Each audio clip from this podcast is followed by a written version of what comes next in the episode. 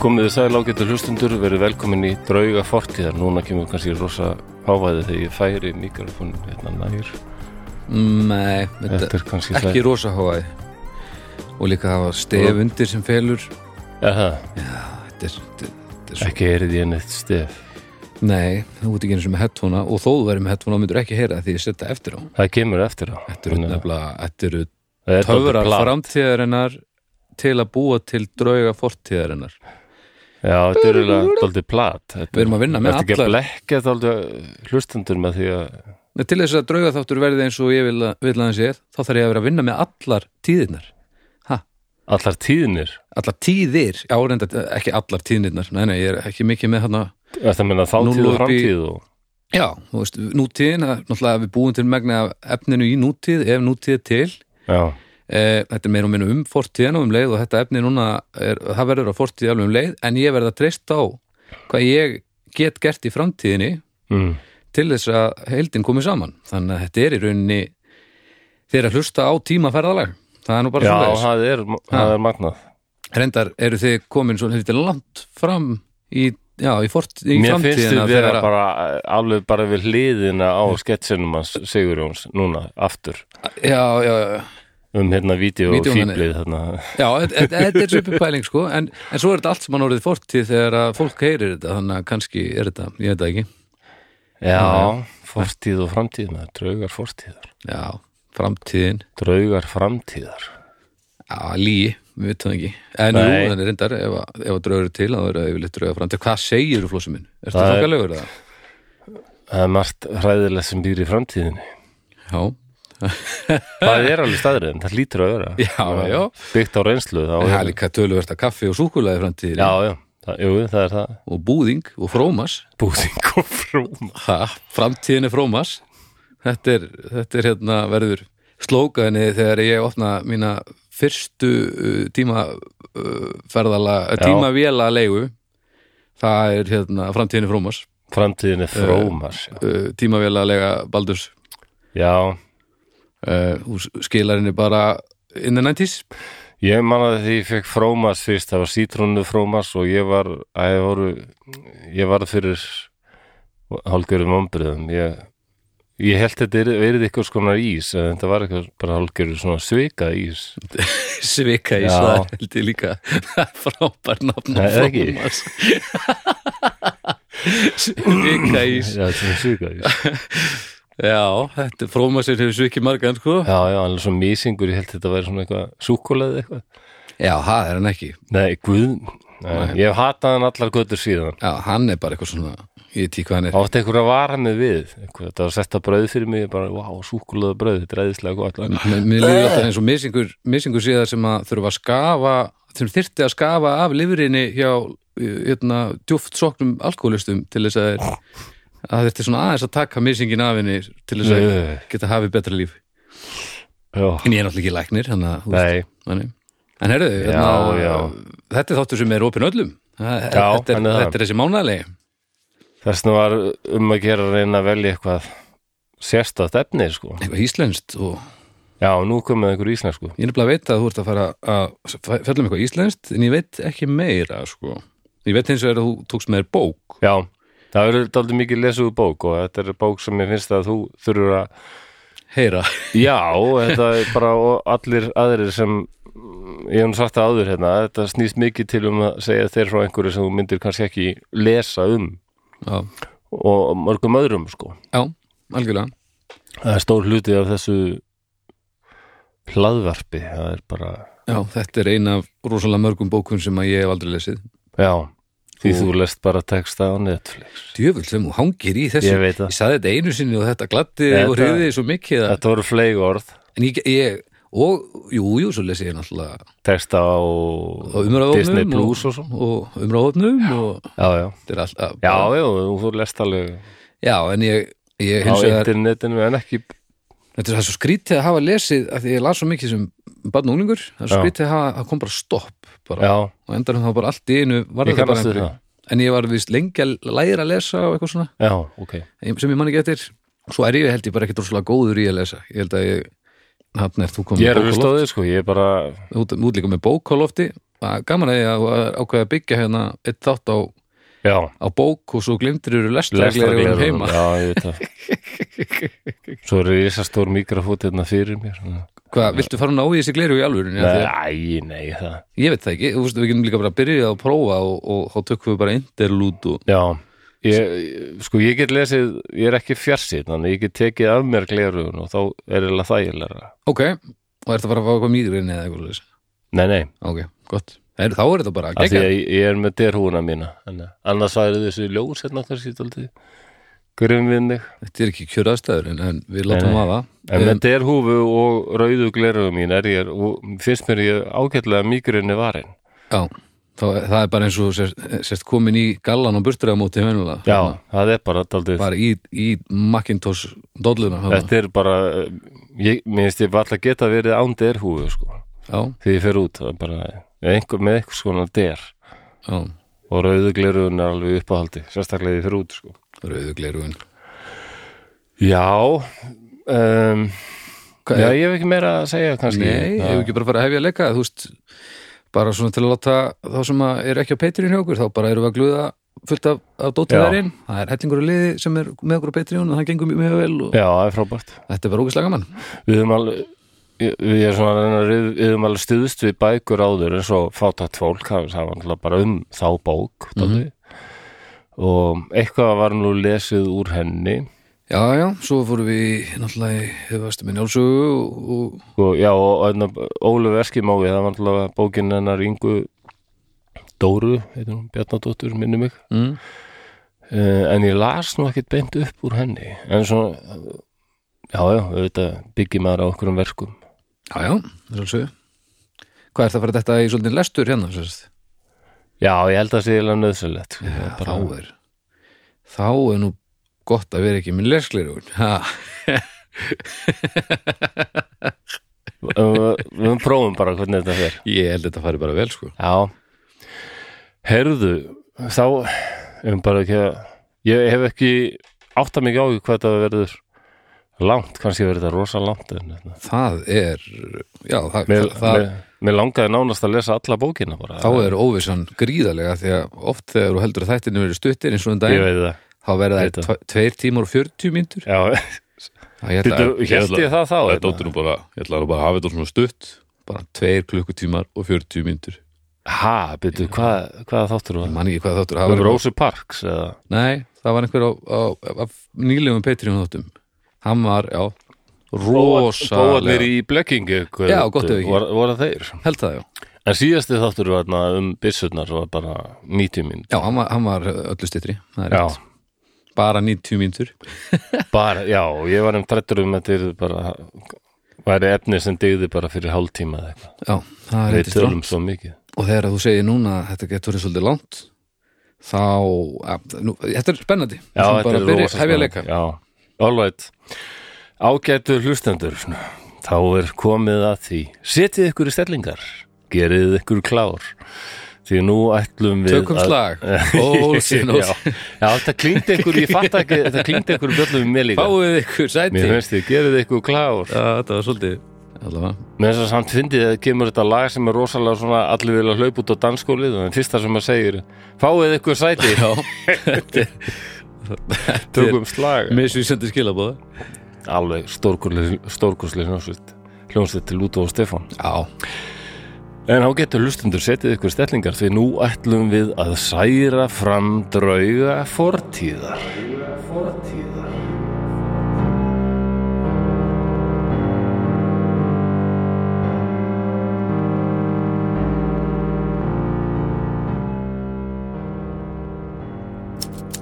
Á síðustu árum hafa ýmsir menn látið í ljós við mig furðu sína Varðandi þá staðreind að ég hef orðið draumórum og auðnuleysi að bráð.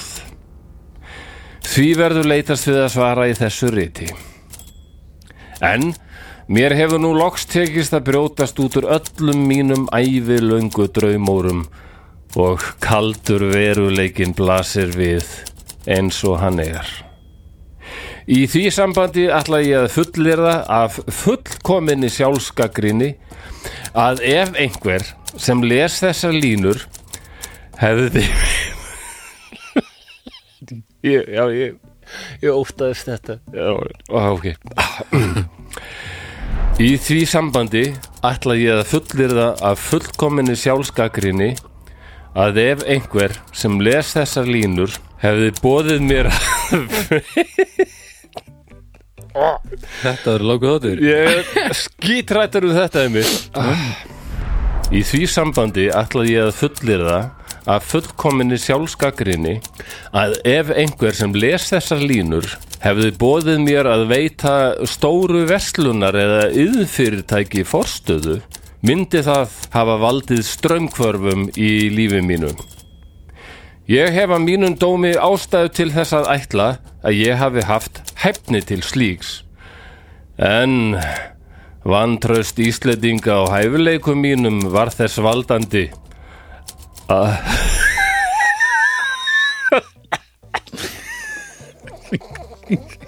að Anskotin oh, Ok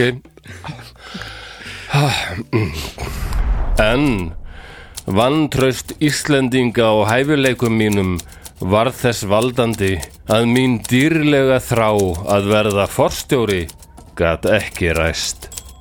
Það var óurleg yfirsjón af Íslendingum að gefa mér ekki kost á því að veita stóru verslunar eða yðnfyrirtæki forstöðu.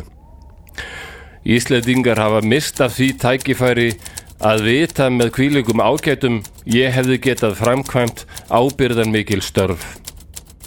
Í stað forstjóra er ég mesta olbúa barn þessar stór auðugu þjóðar. Ah, Má ég list aftur eða heldur þetta? Þetta er búið það Nei, nei. Og hvað bókin byrjar svona.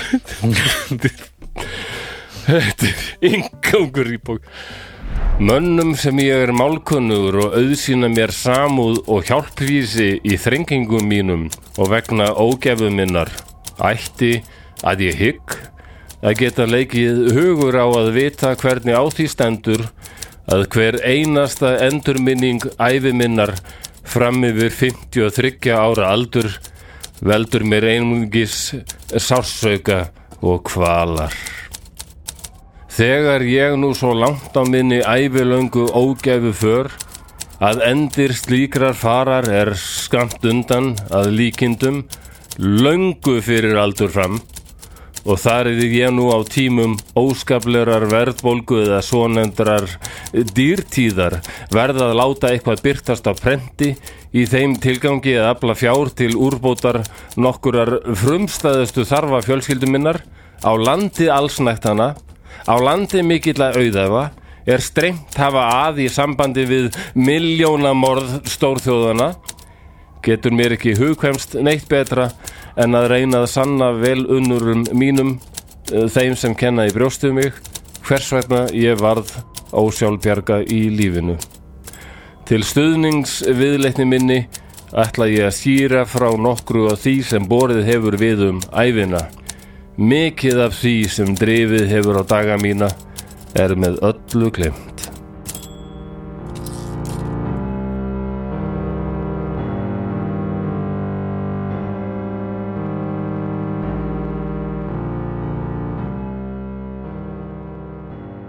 Já, þá er nú lestir í lokið.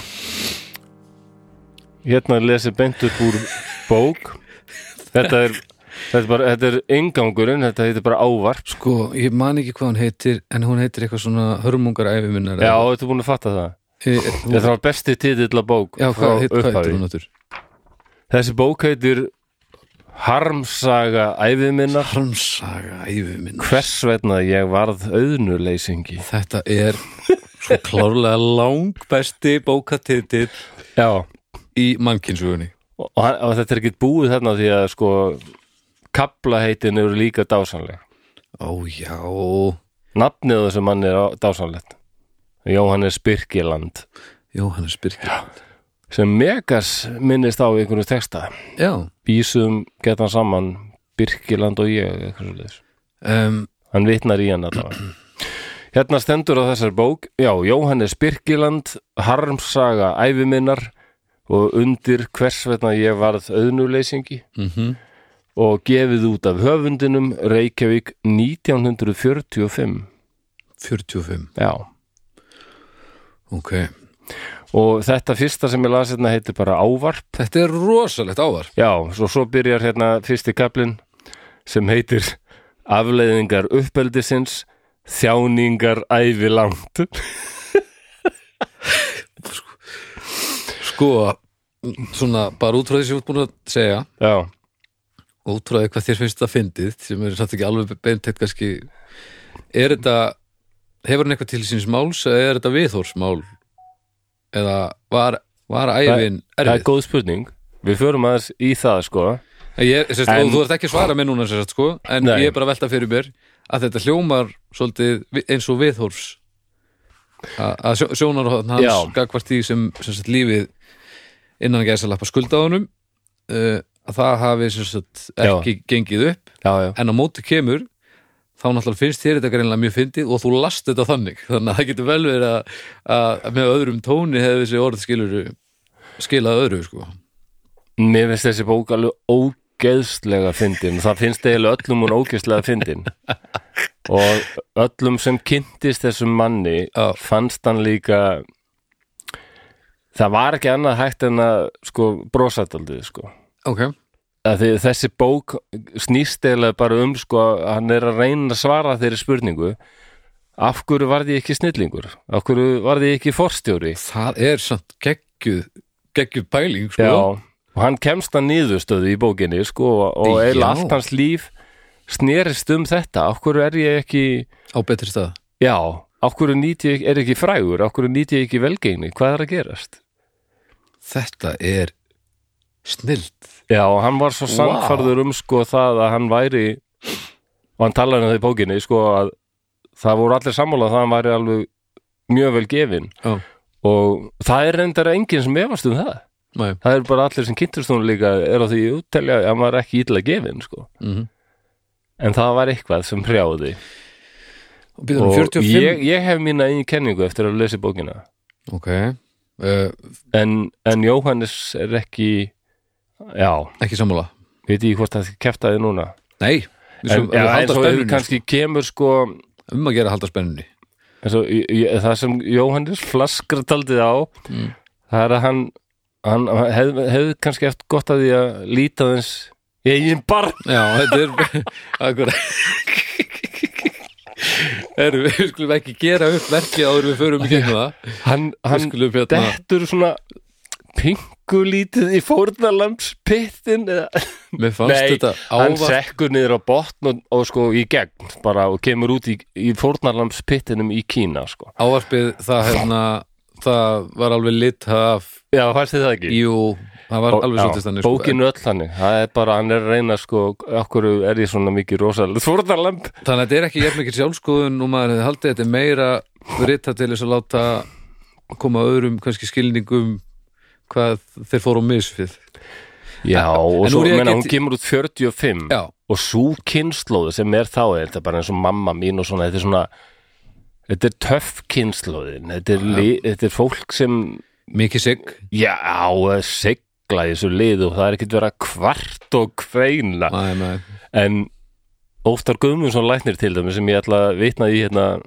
á eftir og þetta er kannski já, fara bara fljótlega í það kannski hann telur sko að Birkiland þessi bóka í og ég er sammála því þessi bóka í miklu betur erindi við almenning í dag já, hún mynd- hún myndi alveg sko rokkseljast og hann er því sko algjör hetja í dag fyrir að já þegar nú er svo í tísku að það eru bara allar sögur nú er svo í tísku að vera rosa fórnalamb það er bara allir upplifa já hann er náttúrulega Í- óttar daldið svona já já hann er rosa karakter og segir hvað honum finnst sem ég fílar hann sko þú veist ég gælt já, að en, ég saman meina, en, en, en, en svo hvað er hann tengi þá ég að- líka svo mikið við Birkiland ég er Birkiland Já. ég er helst þekktu fyrir það að vera þunglindur Já, já, og og sem geði, geðveila eftir sjá og bara ég er svona, elst þetta verið það að vera bara, já, samnefnari íslenskara aumingi eins og bróðum minn kallaði mig Já, en Já. eins og óttar sko e- að- ef- ef- en þú fílar hann fyrir að segja það sem hann er að hugsa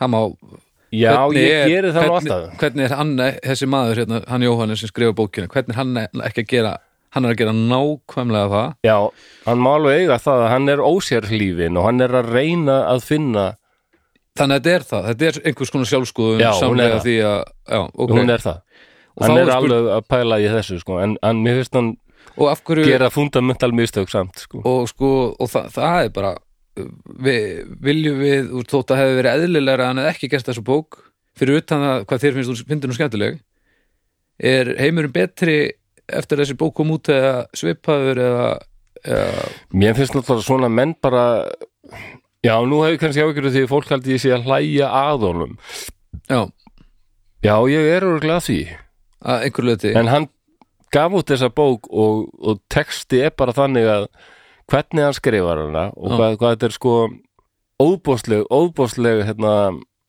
sjálfsvorkun það Já. er bara fyndið, ég get ekki að þið gert þannig, en þessi bók er skemmtileg, hún er velskrifuð ok, hann er með opaslega skemmtilegan stíl og svo eru líka í henni sko lýsingar á sveitalífi og fólki sem eru bara mjög já, skemmtilega Ah, já, ok mér finnst þetta bara mjög skemmtileg bók Já. ég, myndi, þannig ég leita þennan þátt aðalega sko fyrst var ég að hugsa bara hvað þetta þurfa bara tveir þættir, þetta er bara svo æðislegt efni já, sko. já, já, Meina, og ég talaði aldrei við minn Jón, Jóngnar Já.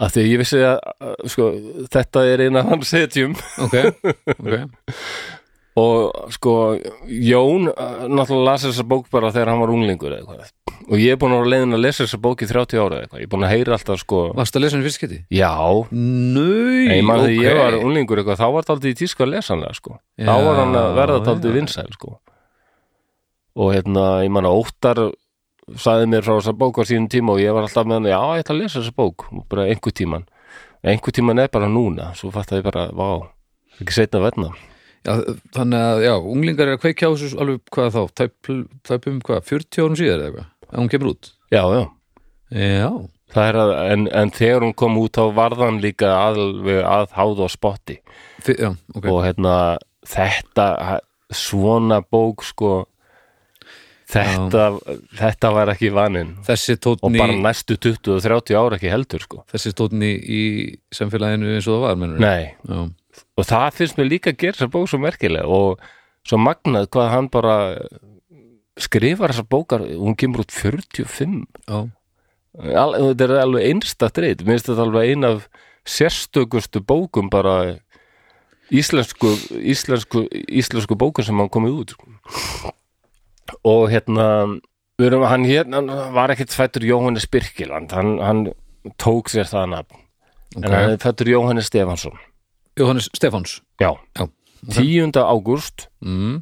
Nó, hann er ljón, alveg eins og þú Ég, Já, ég hann er 15 dag er- ég held nefnilega að þið Tengi að ég margt sammeðilegt Já, já Já, já, Nei, ég hugsaði bara þegar ég var að lesa þess bók líka ég trúi ekki öðrunni Jóhannes Birkiland verði núna uppáhaldsmaður Baldur Svarnarssonar ég bara, það hlýtur eða að vera sko. ok en við Hva, sjáum til með það Hvaða ári eru að tala um?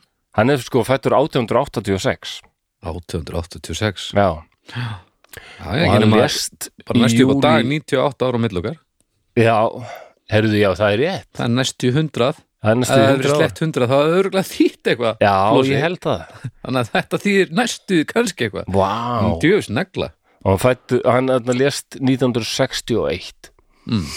um, Hann er Ok, á Wikipedia er hann bara titlaður rithöfundur og skáld sem er alveg rétt, það er svona helst þesstur við það, og er þekktastu fyrir þessa bók Harms ræðu minnar Já. Eh, hann skri- skrifa einnig ljóð og, og tvær skálsugur á ensku af því hann bjó í, í vestur heimi eins og það var svo oft kallað já, já, í gamla þetta bandaríkjunum var hann í Kanada eða? hann var í bandaríkjunum Hann var í bandaríkjunum en getur verið að hann hafi eitthvað um tíma verið í Kanada líka, ég maður ekki hann hefur Ok. okay. alveg verið í bandaríkjunum sko. mm -hmm. og, og það, hann talar aðeins um það í bókinu en við förum minna í það þessi þáttur Já. fjallar meira svona um fyrir hluta bókarinnar Ok. uppvakstar árin og ég hugsaði bara að þetta verður meiri bara kynning á manninum á þessari bók Mhm. og hérna og bara kvartning til þess að fólk kynni sér Jóhannes Jóhannes Birkiland og lesi þessa Já. bók því að ég held hún eigi alveg almenn eh, sko eh, eigi alveg erindi við fólk og hún er ennþá mjög fyndin og maður getur ekki annan leiði bara, það er bara stíllinn er þannig einhvern veginn ok, og hérna já, og svo ég segi það bara beint út ég held jú, sumir hafa oft sko talið að mögulega hafi hann verið á okkur, hann er náttúrulega mjög sérstæðu karakter, það er allir sammála um það Mhm.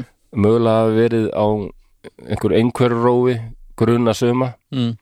ég þóra ekki að dæmi um það en það sem ég skynja strax er alveg rosalegu kvíði ég held að hann hafi verið alveg óbáslegu kvíðasjúkling já, já, og það hafi bara uh, litað hann mjög mikið sko Ok. og þá var kvíðin alltaf ekkit við syngin og hann talar mikið um það í bókinni já, já og hann lýs, mér finnst hann bara lýsa fullkomlega kvíða og miklum kvíða sem er sem núna við vitum er sem bara 45 er alveg galið að að láta upp úr sér sem Já, hann maður veit- komin á aldur já hann kallar það ekki kvíða, hann veit ekki alveg hvað þetta er Nei. en það var þessi óstjórnlega hræðsla við sem greip hann oft sko já, já, og hérna, ég, þannig ég held að það hefur litað hann rosalega mikið og ég, þess vegna tengi ég við hann ég, mér, við erum öll Birkiland núna sko, mér finnst ég að vera Birkiland sko. en En ok. ég er náttúrulega, já, já en ok Förum, ég fer að það setna í það hvað Óttar segir sko já, Óttar Guðmunds er náttúrulega hann er hann er svona meira af hinni kynsluðinni þarna sem er svona já, þessi, svo bræðu mínir sem eru fættir sko 42 og 49 sko, þeir, Mm. þeir þeir, þeir þeir, sérstaklega sá eldri, hann er ekkert alltaf skilið sko af hverju, af hverju ég er að tala svona opinskátt um þunglindi og já, svona. að barma þær eitthvað já maður er ekkert að Já, já. segja frá þessu og svona. bara geima þetta þarna inni já, þar til maður já, deyr það er bara svo kynsluð sko já, en minna, er það allt er í alveg lagi. nálgun á málið þú veist. já, já, já pant ekki, en alveg nálgun Já, mér, mér stótt vant að sko, mér langað að fá almennlega svör við því af hverju hafði þessi kynsla þetta, þetta viðhorf. Svarið eru gleinfald, en ég var alveg til í að fá, fá það útskýrt fyrir mér sko. já, En ég held að sé bara uppeldið hafi bara alltaf verið þannig að svona hark, já, lífið væri erfitt og, og það væri smá baráta og það þýtti ekkert annað en að vera bara já það var ekkert með svörum smá seglu sko. það var ekkert svörum fyrir held ég að- að haga lífinu eftir því sem þið langaði Nei og það Þú var veist, ekki þú- þetta það- öryggisnett. það voru bara hlutir sem þau þurft að gera Já, og það var einhvern veginn held ég unrelevant hvernig þér leið bæðið gagvarti og almennt af því að það var Mhm. samt að fara og gera og græja svo luti menn eins og Em. mamma mín sko sem átti mörg sískinni og, og pappi hennar og mömm, mamm a- afi minn og amma sem sagt sko þau bara komist að því að, að föttu bara þau voru með of mörg börn og þau gáttu bara hennilega ekki fætt þessi börn já, það var ekki nægum matur þá eru þau bara að auglýsa er ykkur sem taka börn í fóstur sko Já. bara að gefa frá sér börn ok. hver gerir það í dag? Þetta var ekki ólgengt af því að það var ekki þetta öryggisneitt sem við Nei, nei. búum við í dag sko ég held að það hafi hljótið að hafa mótað fólk líka ég held að það var bara allt önnur tilvera og Já. allt önnur viðmið um hvað skipti máli í lífinu já, en hann fæðist hvað sagður uh, 86 Já, hann fæðist uh, 1886 á uppsölum í Blönduhlíð austan hér að svatna í Skagafyrði. mm -hmm. Uh, það var svona svo kallar stórbíli.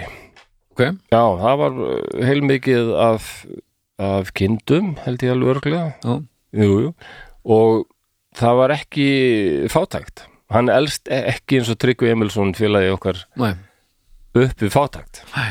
akkurat Hann og fæðist inn hann í er akkurat í öfugt sko. hann elst eða upp við allsnæktir þannig séð já, já, inn í bara þokkalega sterka fjörskildu þá og, um, já ja, hvað Eh, inn í fjörskildu peninga og mat áhrærir já en, en hann bendir nefnilega ágætlega á það að það er bara ofta ekkert nóg sko. alls Nei, ekki Þannig, hann, hann segir það sjálfur sko til dæmis er uh, lí, lýsing í bókin af því þegar hann hérna fattar það bara með því að umgangast aðra krakki í sveitinni sér að þau eru að gera nokkuð sem hún finnst rosalega skrítið að hlaupa til mömmu sinnar og faðma hana já, já og mamma þeirra faðma þeirra bara á móti og hann bara, vá, gera bætt þetta og svo þegar hann kemur heim, þá ætlar hann að prófa þetta leipur á mömmu sinni faðma og hún bara hendur hún frá sér Já, já, ekki stemmari Nei, nei, hún, og, og hendur hún frá sér og bendir bara á, á disk þá var hún búin að setja kjöt á matverðina Faðmaði diskinn Já, já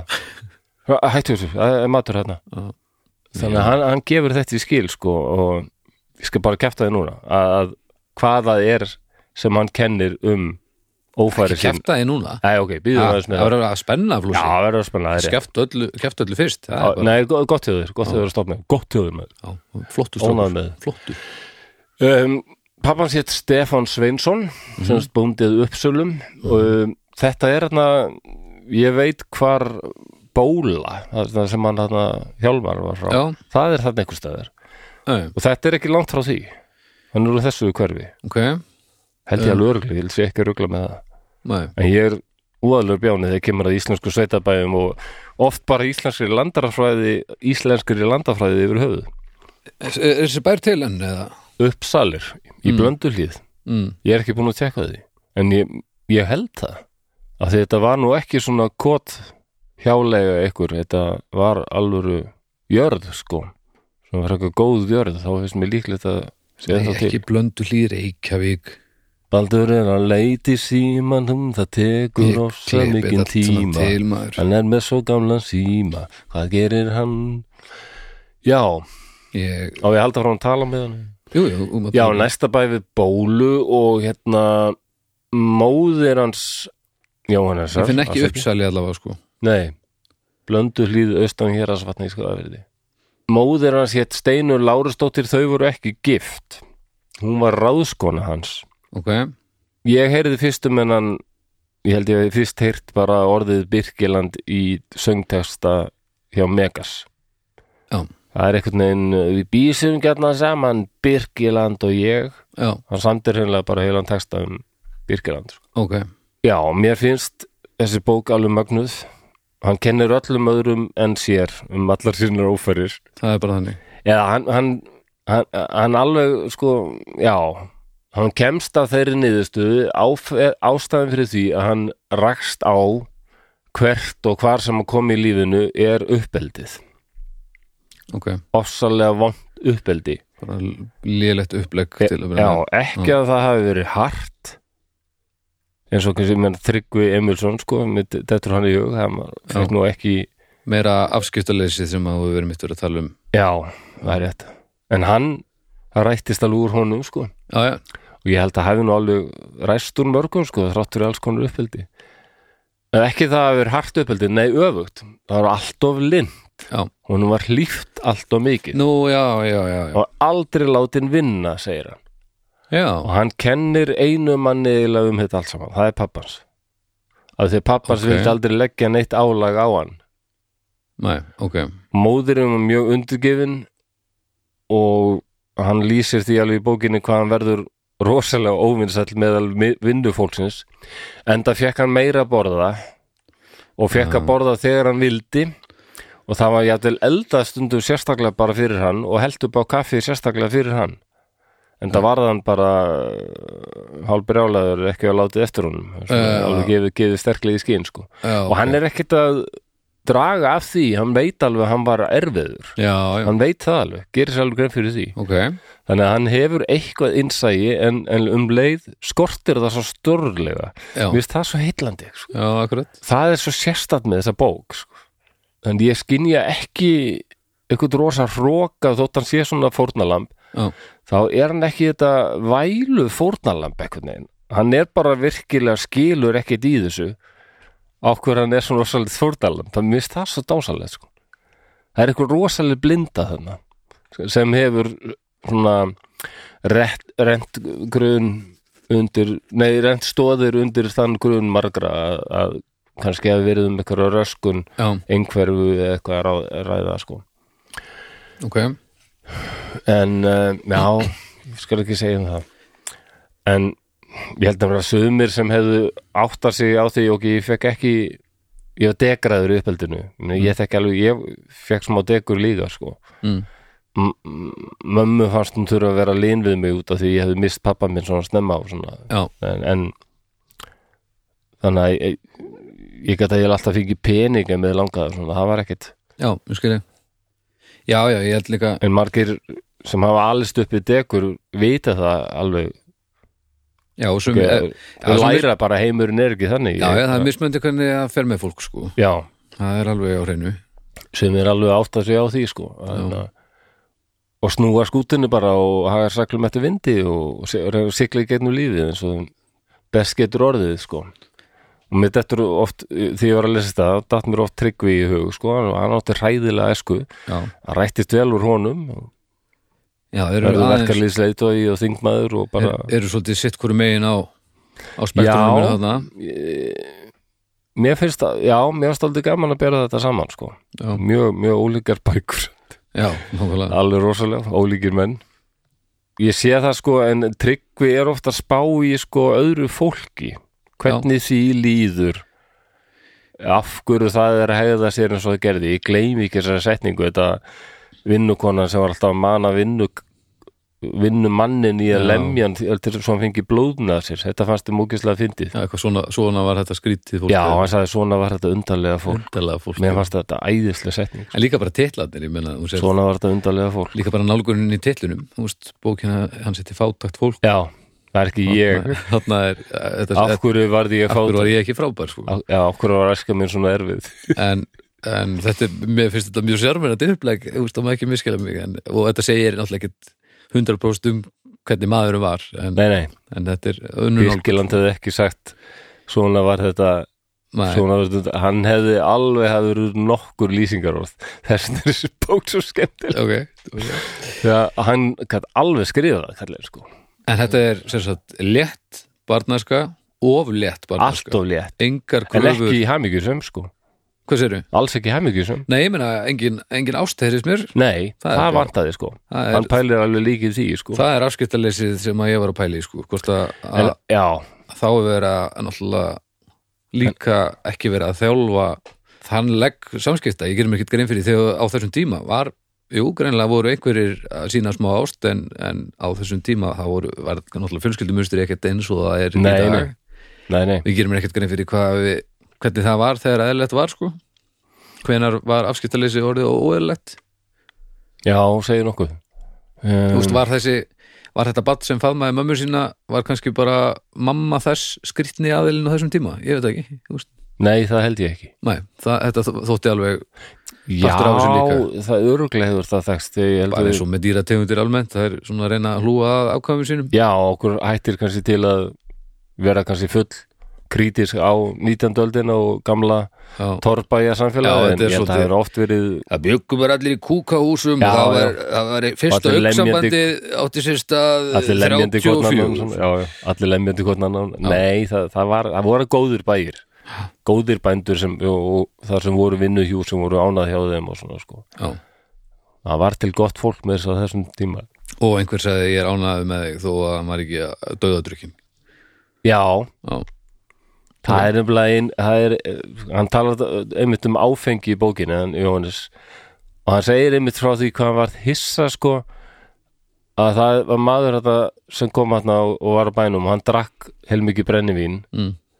og hann var svo hrifin af Jóhannesi, sko, hann var að segja bara það rosalega ertu gáfað barn, hann bara kann, að því að hann, og sem hann hef, held ég að hann hafi örgulega verið, sko, Mm. hann kunni öll sönglög utan að og svona og hérna, Mm. go- gott minni og hérna og hann rósaði Jóhannes rosalega og Jóhannes þótti rósið mjög gott já, já, en svo hann svo hissa daginn eftir þá er hann svo bara allt annar maður og væri mættur sko já. og þá var hann að reyna að fiska meira rós en þá var hann ekkit, allt, í- þá var, hann- þá var hann ekkit gladur lengur þessi maður hann var eiginlega bara mjög vesæll og, og leið ekki vel Ah, hann fattaði ekki alveg að þarna voru þarna voru alkoholið hætt að virka Akkurat. mér finnst það alveg magnuð lýsing þá var hann bara hreinlega bara sorgmætur hættur eru skemmtilegur og orðin Já. leiður þá var bara steinhist á þessu sko. um, já já, mér finnst oft vantat aldrei hjá Birkiland sko að mitt að pæla meir í sko okkur, hvernig leið fólk, öðru fólki eða af hverju hefða það sér eins og það gerði, það er rosalur fókus á hann sjálfan Já, og svo er, hefðu nú sömur bara kannski gert uppreist gegn föður sínum og bara tekið samt til hendinni sko Ég ætla að fara að hjálpa vinnu fólkinu nei þú gerir það ekki, það er allt og erust fyrir þig ég bara verða að hjálpa til eins og aður á þessum bæ og bara svona, sínda sér röggsemi sko. það er samt svolítið erfitt að ætla Já, að já. setja en sömur hefðu gert það ég er sumir alveg hefur viss um gert það, en, en það er held ég eðlilegra í, ég held að í fleiri tilfengum en ekki þá er barn ekki að fara að taka ákvörun um að gera þetta þvert á vilja Nei, það er alveg góðu punktur sko en, Ég held hérna, ekki, sko. en það er líka fram á unglingsárin þá er hann alltaf mér finnst hann gangast aldrei svona harkalega fram í að kenna pappa sínum um allt Já, sko. ok. en á, mér finnst Við veitum það eh, ekki hvernig pappan svo er, sant? Við veitum það ekki. nei, það, er- við höfum bara þessar lýsingar Jóhannesar sko Já. hann fer setna daldi í það Ok. það er að lesa bara lýsingar á fóröldurum hans Já, já, okay. ok. sko. en sko Birkiland hann, hann gefur nú alveg skinn að hann hafi aldrei reynt það að taka Ah, ok. til hendinni Aðeins að, ok. en það hefur bara verið á seint vegna þess að vegna uppeldisins þá var hann orðin að vesælum aumingja sem ekkert skatt það var bara seint sko Hvenar er það, hvað er að gama allá? bara einhver 14 ára Ég er bara orðin nýja ára, þetta er búið. sko hann, hann fer á sjóin til dæmis Ok. og, og, og hann mjög einmitt svo gaman hvað hann er sem er mjög sérstaklega fyrir þennan tíma hann er ekkert að lífa sjálfum sér sko. Ósér lífin. þegar hann tala um sko, hvað hann var gjörsamlega vonlust til allra verka Já, já. og hvað uh, hún, hún var oft gefin mikill séns sko, það var alveg þrýr, fjóri sem gaf hann séns að fara með í útróður sko. Mm. og þegar hann var, allir þurftu þeirra að reka hana því að hann dugði ekkert á sjónum hann lá bara á ældi, ég ætlum þótt að það væri bara fallegt og kyrrt veður Já, já. og bara rekin og svo þegar hann fór í að smala með fólki sko, Já.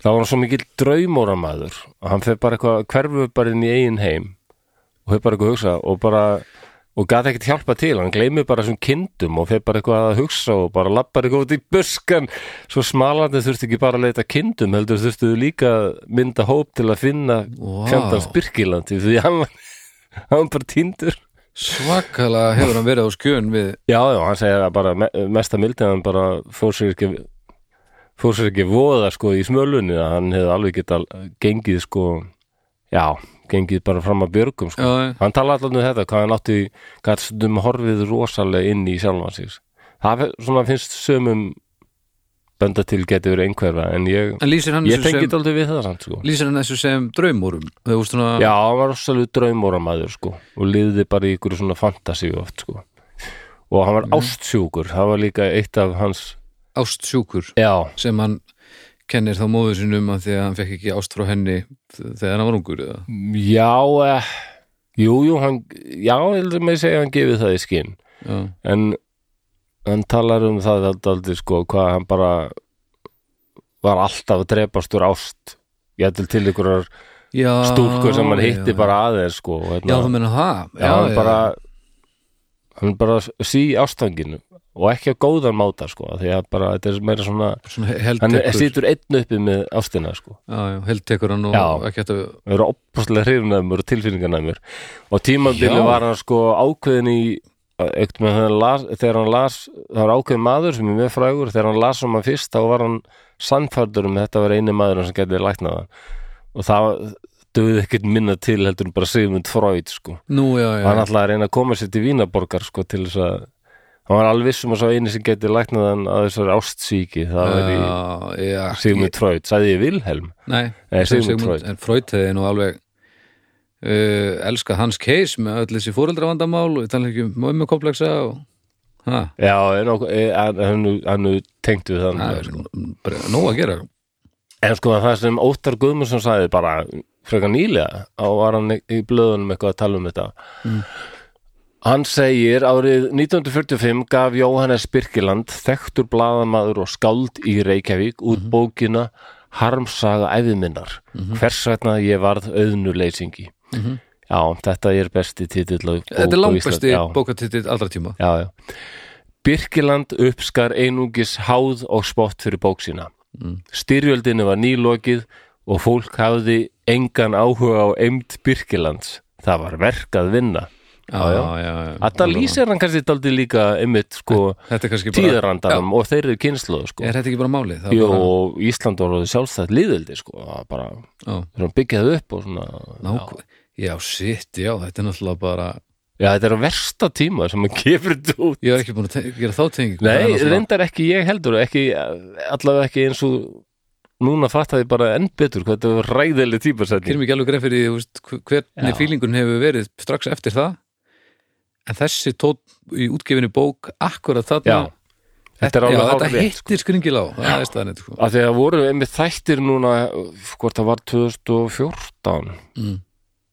um hérna líðeldi sko já, líðeldistofnunum 1944 mhm, og ég hef séð viðtölu fólk líka sem mann eftir svo bara og sem er að lýsa daldið sko einmitt andanum Já. það var einmitt þetta við erum frálst þjóð, við erum íslendingar og, nú þurfum við að gera hlutina og já og það er von sko við, við höfum peninga, Já. fáum marsjál aðstóð ætlum að byggja upp fiskiflóta og bara hafa svona já, yes, við getum þetta við erum ekki lengur föst í þessu torrbæja og skemur hann eitthvað hérna af hverju er ég svona já, þetta er, já, ég Akkurat. skila ennþá betur núna já, takk óttar, þetta er alveg rétt að þér en hann segir með tímanum kom samt í ljós að Birkiland var á undan sinni samtíð Mm.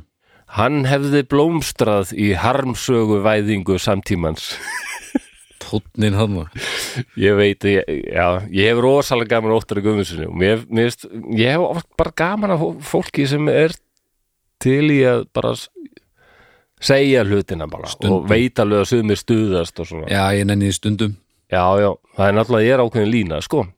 já, já, líka Mátt. bara tónnin þarna er náttúrulega þarna snýst þetta meir um hvað allir eru miklir aumingir í dag frekar en að, Já, að kannski hann, hafi hann verið að vera uh, tilfinningar sem að hafa blundað í fólki alla tíð en, en samfélagi var ekki reyðbúið að opna á í gamla dag sko kannski er ég líka, Þú veist. já, kannski er ég líka út af, ég er náttúrulega á sískinni sem eru miklu eldri en ég já, já, og uh, hálsískinni en alltaf verið náinn, sko. mhm, Ég á nú sem sagt fjögur sískinni sem eru öll fætt fyrir 1950 já, og annað sýsti minn sem er næst mér er fætt 54 sko. Þannig að þau eru svona þau eru ekki Generation X eins og ég sko. nei, nei ekki, þetta þetta er ekki svona Nei, og ég, jaðar ég eins og- skinja, hef alltaf eins skinjað og það gamli F-þótt Já, og ég hef alltaf skinjað það sko, ég man að Óli bróður minn sem hún látið, við, við vorum svona kannski nánastir mm.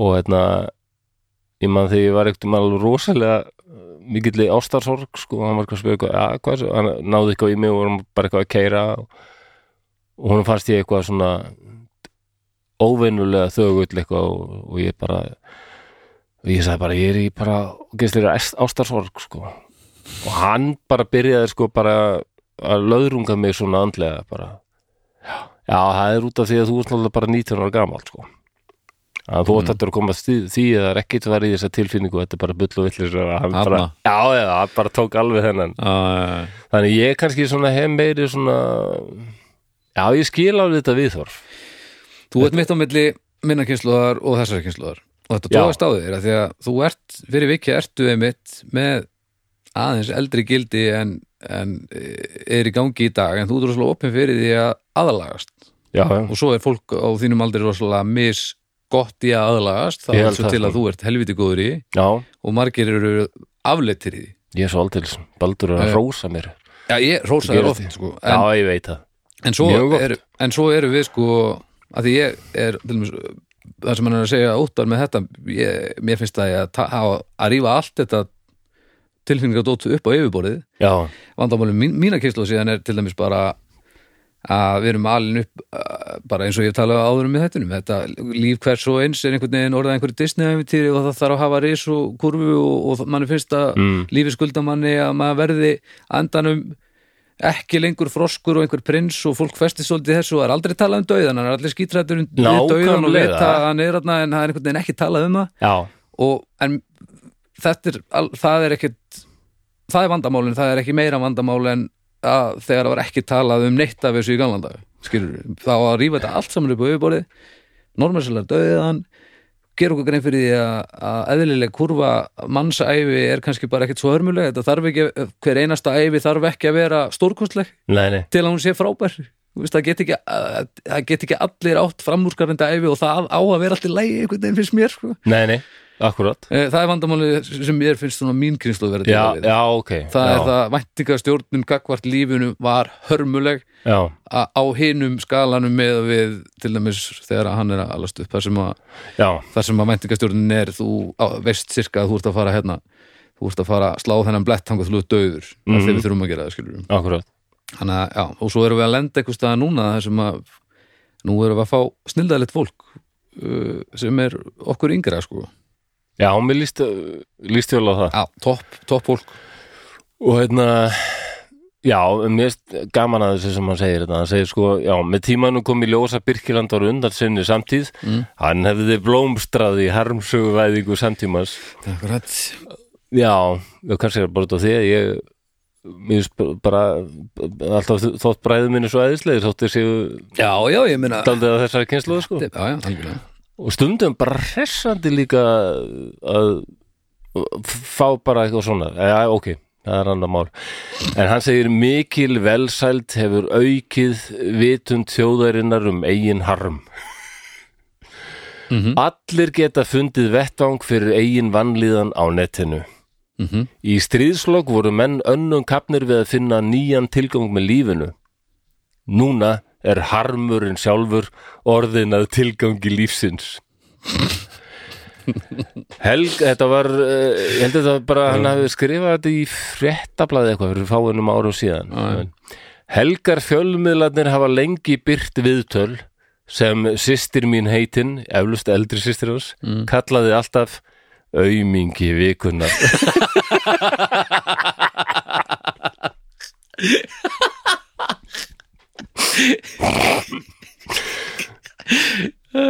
Já, já Og hérna viðmælandi blaðisins rekur harmsögu sína einelti, misnótkun, ofbeldi, hælsæri og annað sem stendur honum fyrir þrifum. Þarna er, já, já Harmsögunni vex enn fiskur um hrygg. Æ fleiri stíga fram með raunasögur sínar sem þjóðin les með áfergju. Fólki er sagt af viðurkendum sérfræðingum í harmi og auðnuleysi að það sé holt fyrir sálartetrið að afhjúpa sig í beinni útsendingu fyrir sem flestum. Þú varst endað að segja þetta.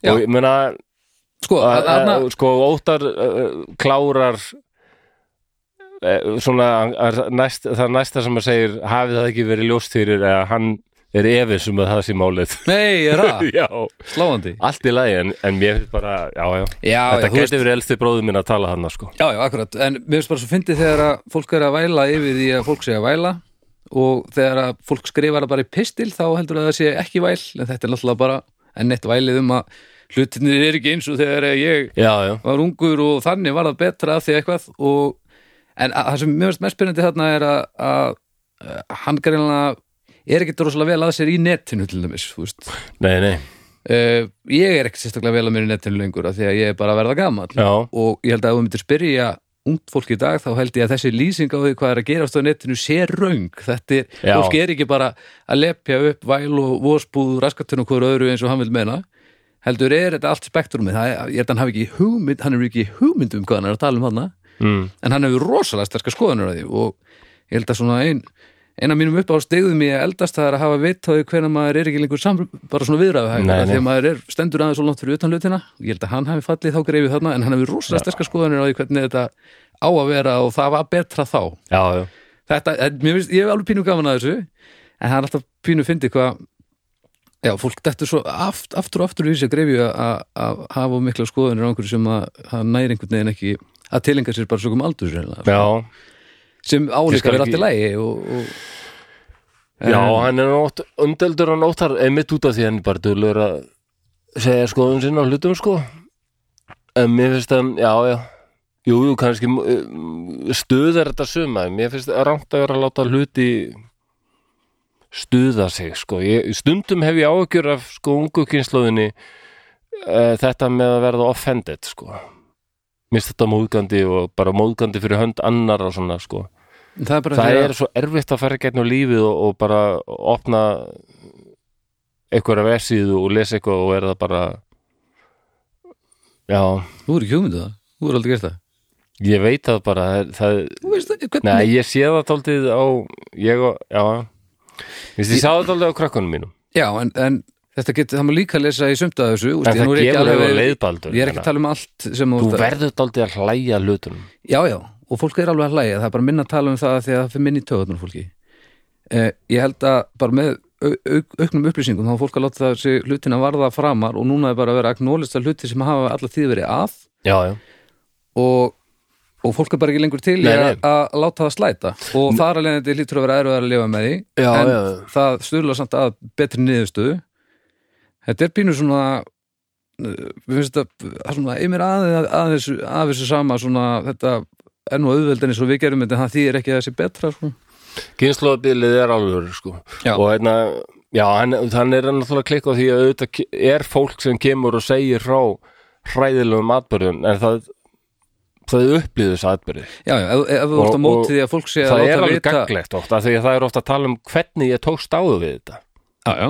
það er eitthvað sem Nei, maður og getur bara lært svo lá- mikið af og líka bara láta vita að þetta er, þetta er að gerast og þetta er kannski að gerast á miklu Já, stærri nákvæmlega. skala heldur en meira segja þeir sem töldu sig veru Já, með já. upp, úst, upplýsta þegar ég ólst upp þá er einn barnanýðingur í Íslandi já, bara akkurat.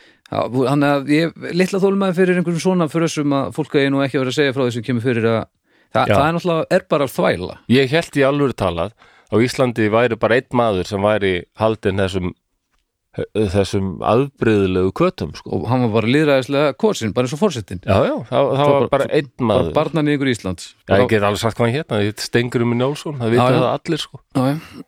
og það var ekki talað um annað barnani og núna vitum við að þetta er miklu, Já, já. miklu algengara og, og einmitt ekki síst út af því að fólk hefur farið að tala um það en ég er alveg sammáð á þessu líka Já, ég, þú veist, þarna, þarna hef ég enga þólum fyrir því að, að, að hvað á ekki að vera að segja frá ég, já, þenni ekki einu svona að ræða þetta að þarf ekki að ræða þetta þarna, er, þarna missir fólk mig alveg þegar þú byrjar að tala með þetta þarna þurfum við að hlusta á fólk okkur yngra Já. sem er reyðbúið að taka slægin og annarkvort hjálpa eða halda okkur til hérs eða gangast við því að, að verða hund gamalt uh, útþymt lið með gamla raumindir og það má velja allt Já. af þessu en maður verður þá að vera opið fyrir því að það gerist Ef Ég að halda hef áfram bara að þetta, ég, er dálítið núna, að- ég, ég er að vera brjálaður og ég hef er bara svo- alltaf áhyggjur af sko, ég ánefla vini sem mér finnst láta þetta stjórnar sér alltaf mikið sko. ég get nefnt ein, einn vin sem bara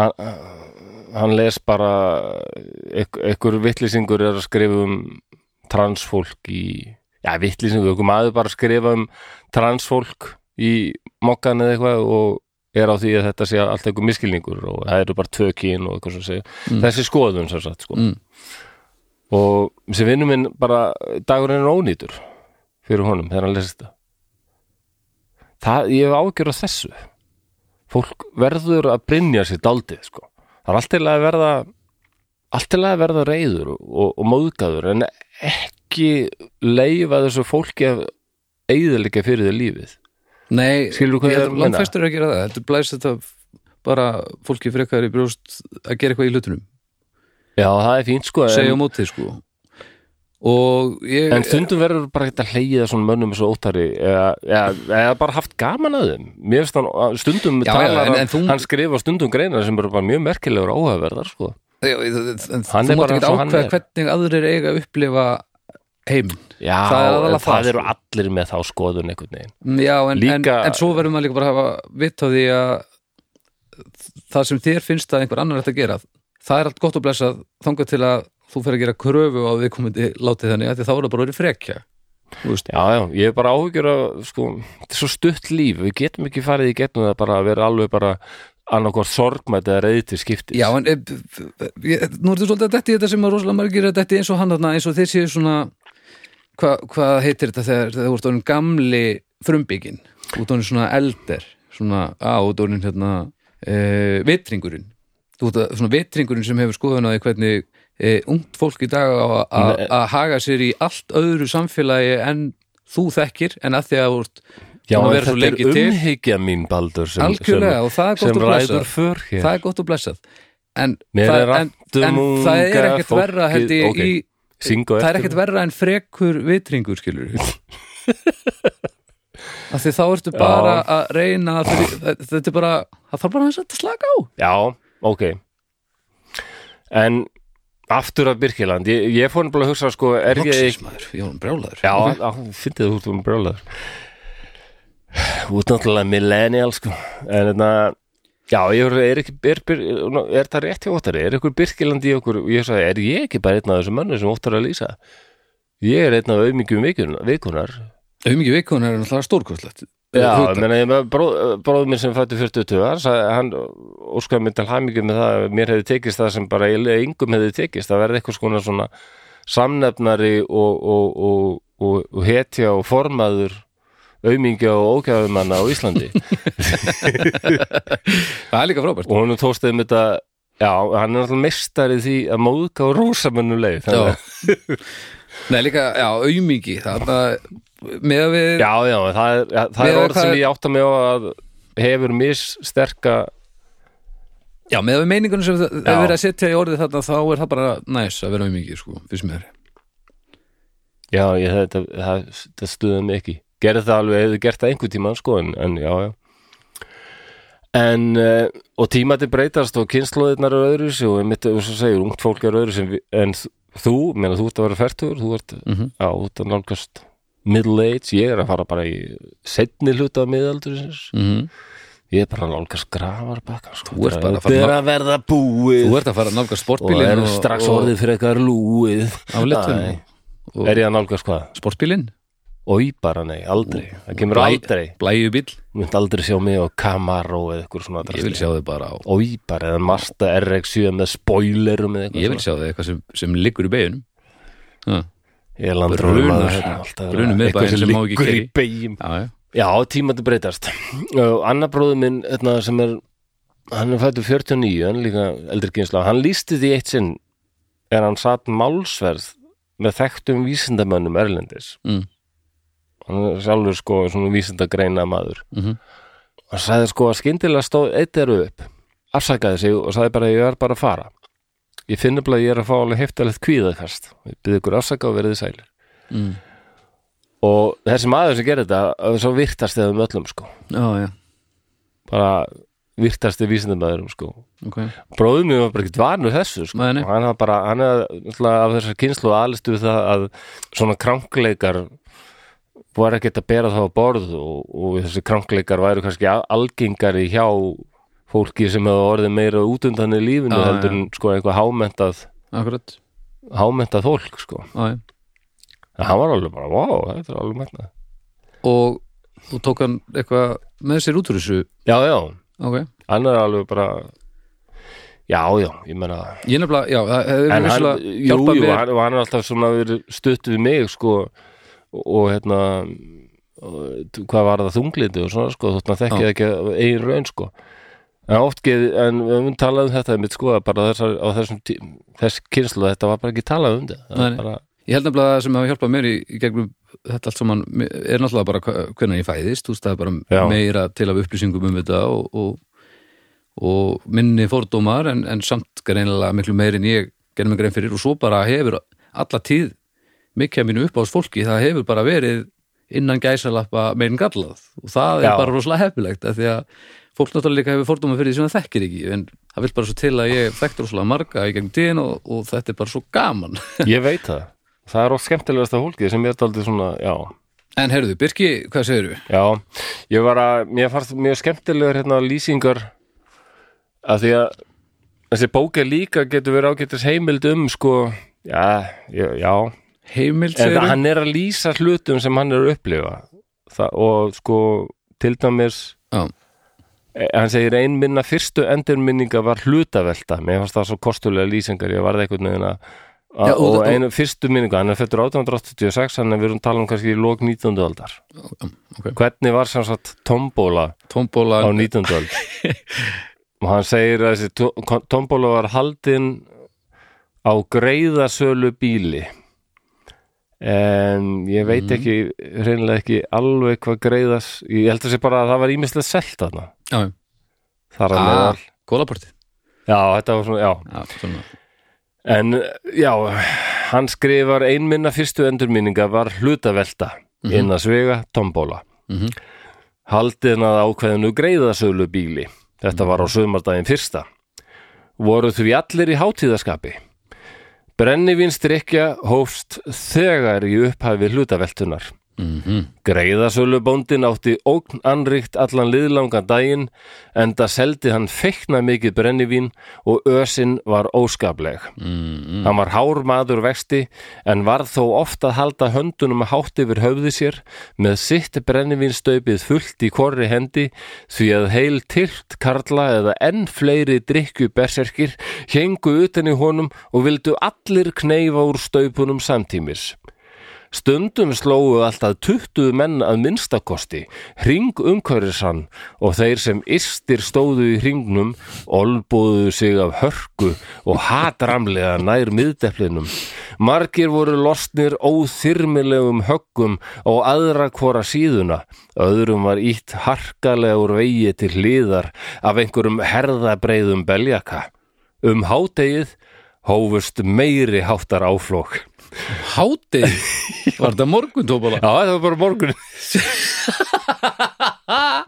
Vist þetta er mjög svo æðislega setning um hátegið Þá hófust meiri hátar áflóg Þetta var bara byrju svona uppbytun Já, Alrændur áflóga seppi frábært orð áflöðast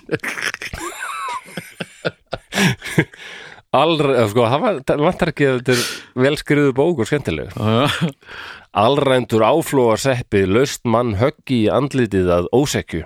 Allt komst í uppnáma augabræði.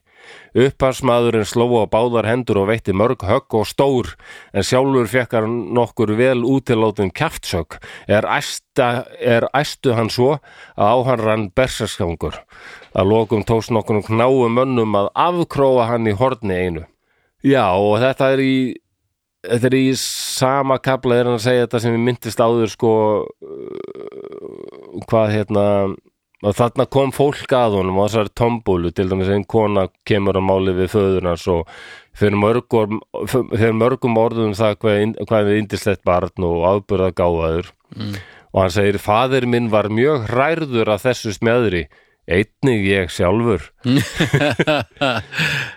en uh, og sko hann segir síðan margir komið að stórbíli föður mín og nokkur gistu þær um nótina þar á meðal drikkfeldur auðnuleysingi Hmm. er létt dáttað mér og hlóð á mér loftsfyrðum fyrir feikna gáfur og svo, sto- svo sopnaði hann og, og daginn eftir var hann daufur í dálkin og hraut ekki orða vörum um, og hann er svona hissað sko af því að Jóhannes vill, það er þessi sem að Jóhannes vildi fá meira, meira hrós Mhm. Já, en já. það var alveg lokað fyrir það að þarna fer hann, hann er hann að kynna því hvað- hvernig áfengi Já, hvort að það sé, já já það var ekkert en, en neina þetta ekki er Ángist já, neysla þennan sumardaginn fyrsta hljómar ekki eins og hún hafi verið ábyrg Nei, þetta er Eh. alveg Ég ólst ekki upp við svona tombólur, ég verð að segja það Brennivinns tómbólunar Þetta Ah. er mist þetta alveg klikkaða lýsingar og hérna oft brenni mér lýsingar hérna áður fyrir þetta bara Það er líka bara engin, hvernig er hægt að halda úti tómbólu Já, undir nákvæmlega þessum formerkjum þegar allir er að slást Það er eiginlega bara ekki hægt, held ég Nei, það fer, fer ekki alveg hérna annars er ekki frekara lýsingar á hlutaveltinu sko, hvað var Nei. í bóði að, Voru þetta, vinningar eða En þetta er svona eina af hans helstu minningum mér, það finnum Já.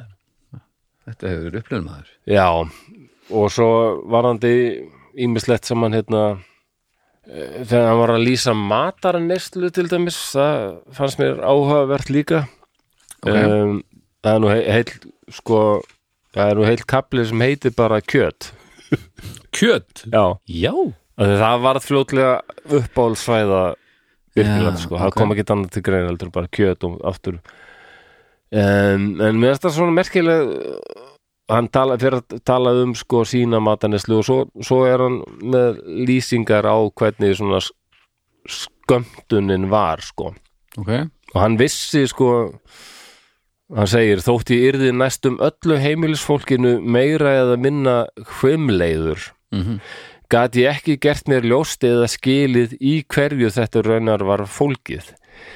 Uh, skapgerð mín fór stöðugt versnandi. Stundum var ég í anstöðu við bestu hjúin á heimilinu og þau í anstöðu við mig.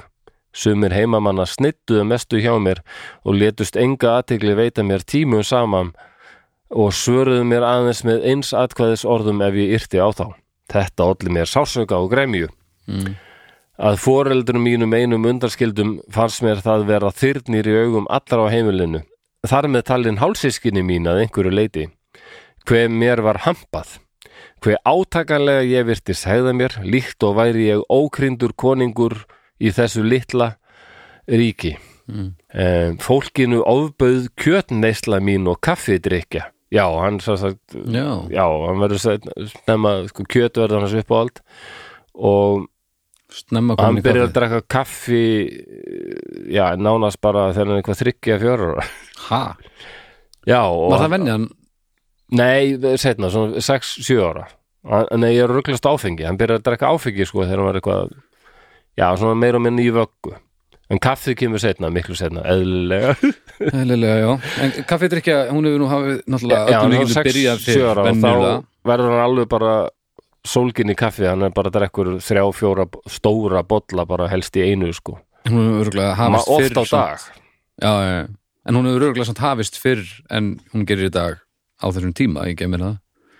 Þegar bara nú eru að vinna, þú veist, á einhvern veginn, þegar það er ekkert mála réttlæta að þú sért partur af, vin, af starfsaflinu, ég hugsa þessu þá náttúrulega ferðu bara í kaffið Já, og, og bara allt eins og við- aðrir, sko. sko. já, já. Nú er ég bara Eh, að giska, bara svo Nei, þessu þetta reynir sé alveg rétt sko Ég hef oft sagt að uh, það voru þrýr innflutur hlutir sem Íslendingar bara fjallu alveg fyrir og eru bara mest ást Mm. Alltaf, jú, ég mætti tella áfengi en, en ég nefndi steinsteipu, Mm. jeppin og kaffið Þetta var bara fljótt bara eitthvað sem Íslendingar dýrkuð og Já. kaffi sett Já, fólkinu ofböð kjörnæslan hjá honum og kaffidrykja Mhm. og held stundum sérstaklega upp á fyrir hann fólkinu, fólkinu ofbauð kjötneisla mín yð, kaffidrykja, yðuleysi mitt og auðsægi yfirgangur þar sem slíku varð viðkomið uh, já, kjö, móður mín neytist til þess að sjóða kjöt handa mér einum og einnig að búa til kaffi fyrir mig engöngu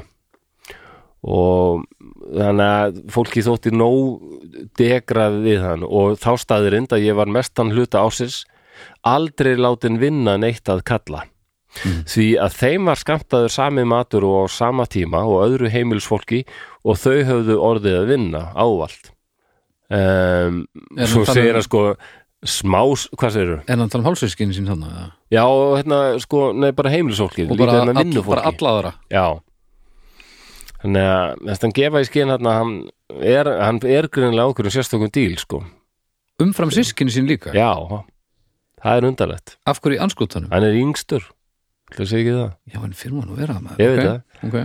Hann, já, já Já. Hann segir líka að, að pappans hafi verið svo samferður og það að hann væri svo aðbörða gáðaður að hann ætti ekki að vera að vinna erfiðisvinnu, sko Hann ætti bara að Ah. verða einhver okay. prófastur eða eitthvað Smásálar skapar nokkur skeitti hjá dvalarfólki heimlisins því að það var öfundsjúkt, öfundsjúkt yfir því aðtatnvaleysi er ég var látin sæta og þeir eru matarsælu er ég nöyt. Enda þótt það skorti ekki mat og þarna svona fer hann í lýsingar sem minnst áhugaverðar bara svona sakfræðilega. Öllum var skamtað eins og þá týðkaðist til sveita og fekk hver maður sinn skamt á sitt borð eða sína hillu. Árdegis verðarskamtur, það er morgun, morgunin, sá er hver karl hlaut var stór diskur með háum haugi af harðfiski, oft saltfiski eða nýjum fiski eða sumalagi. Voru oft heilir fiskar þar á meðal ásamt brauði með miklu smjöri eða það var slátur í stórum sneiðum, einni brauð og smjör wow. þessu fylgdi sex eh, merka skál, ég veit, sex merkur uh, fólk getur reiknað það út Eh, já, sex merkur hvað já, er það, 250 ég veit að ég var 14 merkur þegar ég fættist og þótti lítill já, er ekki 250 gram einhver leðis já, það getur ekki alveg passað uh, sex merka skál af mjólkur eða bygggraut með mikilli mjólk út á ein mörk er saman 250 gram þannig að það voru ein þetta- mörk, já, þannig að það voru þetta eitt og hálf kíló vá þetta er sex merkur, já já, eitt, vá, eitt og hálf kílu af mjólkur eða bygggraut með mikilli mjólk út á eitt og hálf kíló, gjör svo vel það er, nei, í alvöru já, ég meina, Jú, ok. merkurnar eru allavega já, 204 merkur eru, já, Ég þú held- veist, já, ég held 12 ég- marka batn er, er 3 líklegt ég hef kíló nú verið örgulega svona þrjú kíló 12 marka barn með 3 kíló Já, ok Mm, M- Og svo er miðdegisverðar skamtur sá er hver, hver karl fekk var kjötsúpa í sex merkaskál Jöfulsins og voru nokkrir stórir kjötbitar í súpunni í skálinni en til uppbótar var slátur á stórum diski eða það voru bönir einni í sex merkaskál með miklu af kjöti í Hvað kom allt í einu og Hvernig gætt fólk borða þetta? voru skálarnar ekki bara uh, eitt og hálft kíló Uh, þær voru bara úr einhver ógislega Já. þykku og svo var eitthvað svona pínlítið í þeim Já, Það veist, það voru steinið eitthvað en svo kannski mögulega má líka var hann bann og er að, að, að, að skrifa eftir minni bars Já, og pínu brjálaður og, og með öll lýsingurorðin, ég veit ekki ja. ég, mynd, ég, veist, ég myndi ekki no- vilja nota þetta sem sakfræðilega heimild eins og þú veist að segja na ma- maður hefur alltaf einhvern fyrirvara en hann er að lýsa þarna einhverju sem Já, já, hann já, já, algjörlega upplifði og ég meina var- kannski, Ég er ekki svo já, já. kannski var þetta bara Og svo kemur kvöldverðarskamturinn handa hverjum karli var sex merka skál af bygg eða mjólkurgraut ásamt slátri með brauði og smjöri á stórum diski Já, Nei, meina, þetta, er ekki, þetta er rosalegt fæðið já, já Hann, hann segir það að hann vantaði ynga mat sko. aldrei, ekki af þessu bíli allavega Hvað var hann að geta að nóa, og nóa mat sko. Hvað var hann að narti á milli mála? Hva, hann var alltaf borðandi kjöt sko. hann hvernig var borðaði ekkert annað en kjöt Nei, bara það, já, ekkert grautar neitt Já, eitthvað sko, en hann bara Mm, Já, þegar maður eitt kaplinn heitir bara kjöt já, já, akkurat.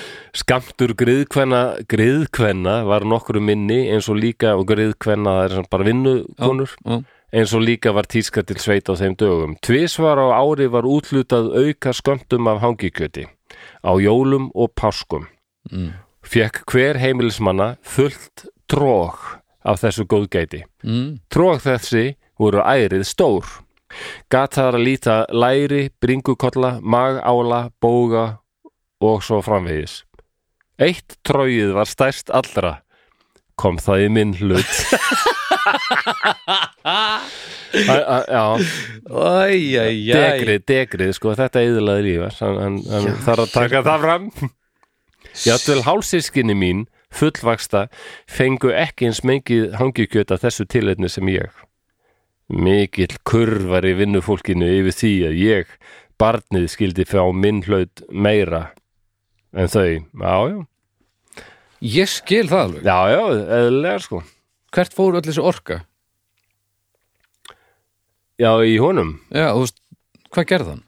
Hann ráfaði rosalega mikið um, annarkort tekk hann bara heima og gerði ekki neitt. Já, Hún var falið eitthvað verk að slá gras á einhverjum mjög auðveldum stað sem var vist bara rosalega auðveld stundum. Hún var falin eitthvað svona smáverk en uh, svo ráfaði hann rosalega mikið um, um sveitina bara og let bara ímyndunaraflið leika lausum hala sko. Hann, hann hafði gerað rosalega ímyndunarafl og bara ég bara pæla, þú veist, hvarf aldrei mikið inn í hursinu sjálfur sér. að því að ef hann hefur verið að borða svona ofbúslega mikið og var hann bara á- mjög vel á sig komin eða, Líkamlega virðist það að verið sko. ok Það er rosa mikið kjöt, Já, já. rosa mikið Og- orka Sko, við erum að tala um torrbæi, það er ekki mikið við glugga. Nei, Já, og mér er svo skemmtilega lýsingar, ég verð að lesa áfram, sko, sorry. Vegna hinnar miklu matarneyslu er hér hefur verið getið og voru karlar ærið framsettir. Bumban á þeim var með þeim feiknum að hefðu þeir ekki haft utan á sér glögg enginni kynferði síns hvað snerti föt er þeir báru, hár og skeggvöst ásamt ímsu öðru er ekki vissa fyrir því að erlendir prófessorar til dæmis hefðu vitað eh, hvers konar fyrirbæri þetta voru. Mjög ónæði samt var, engum um nætur vegna vindgangs. Leistu menn vind af því heljar afli að líktist fallbissu drunum og þrumuskellum. Varð fólki oft ekki svepsamt ef það einungis blundaði vært en svaf ekki fast. Rukku sumur upp með andfælum er hávaðinn kerði hvað mest úr hófu fram. Oft laust upp gný mjög miklum þegar fleiri en einn heimilismanna leistu vind í einu og sama vettfangi. Líktist slíkt helst í miklu minna veldi að vísu þeim orustu gný sem ég ímynda mér að eigi sér stað þegar stórskotalið, skriðdregalið og fótgöngulið leggur til atlögu s- samtímis. Það besta við henni líka, hann veit alltaf hverju á að hætta Já, já, já, já.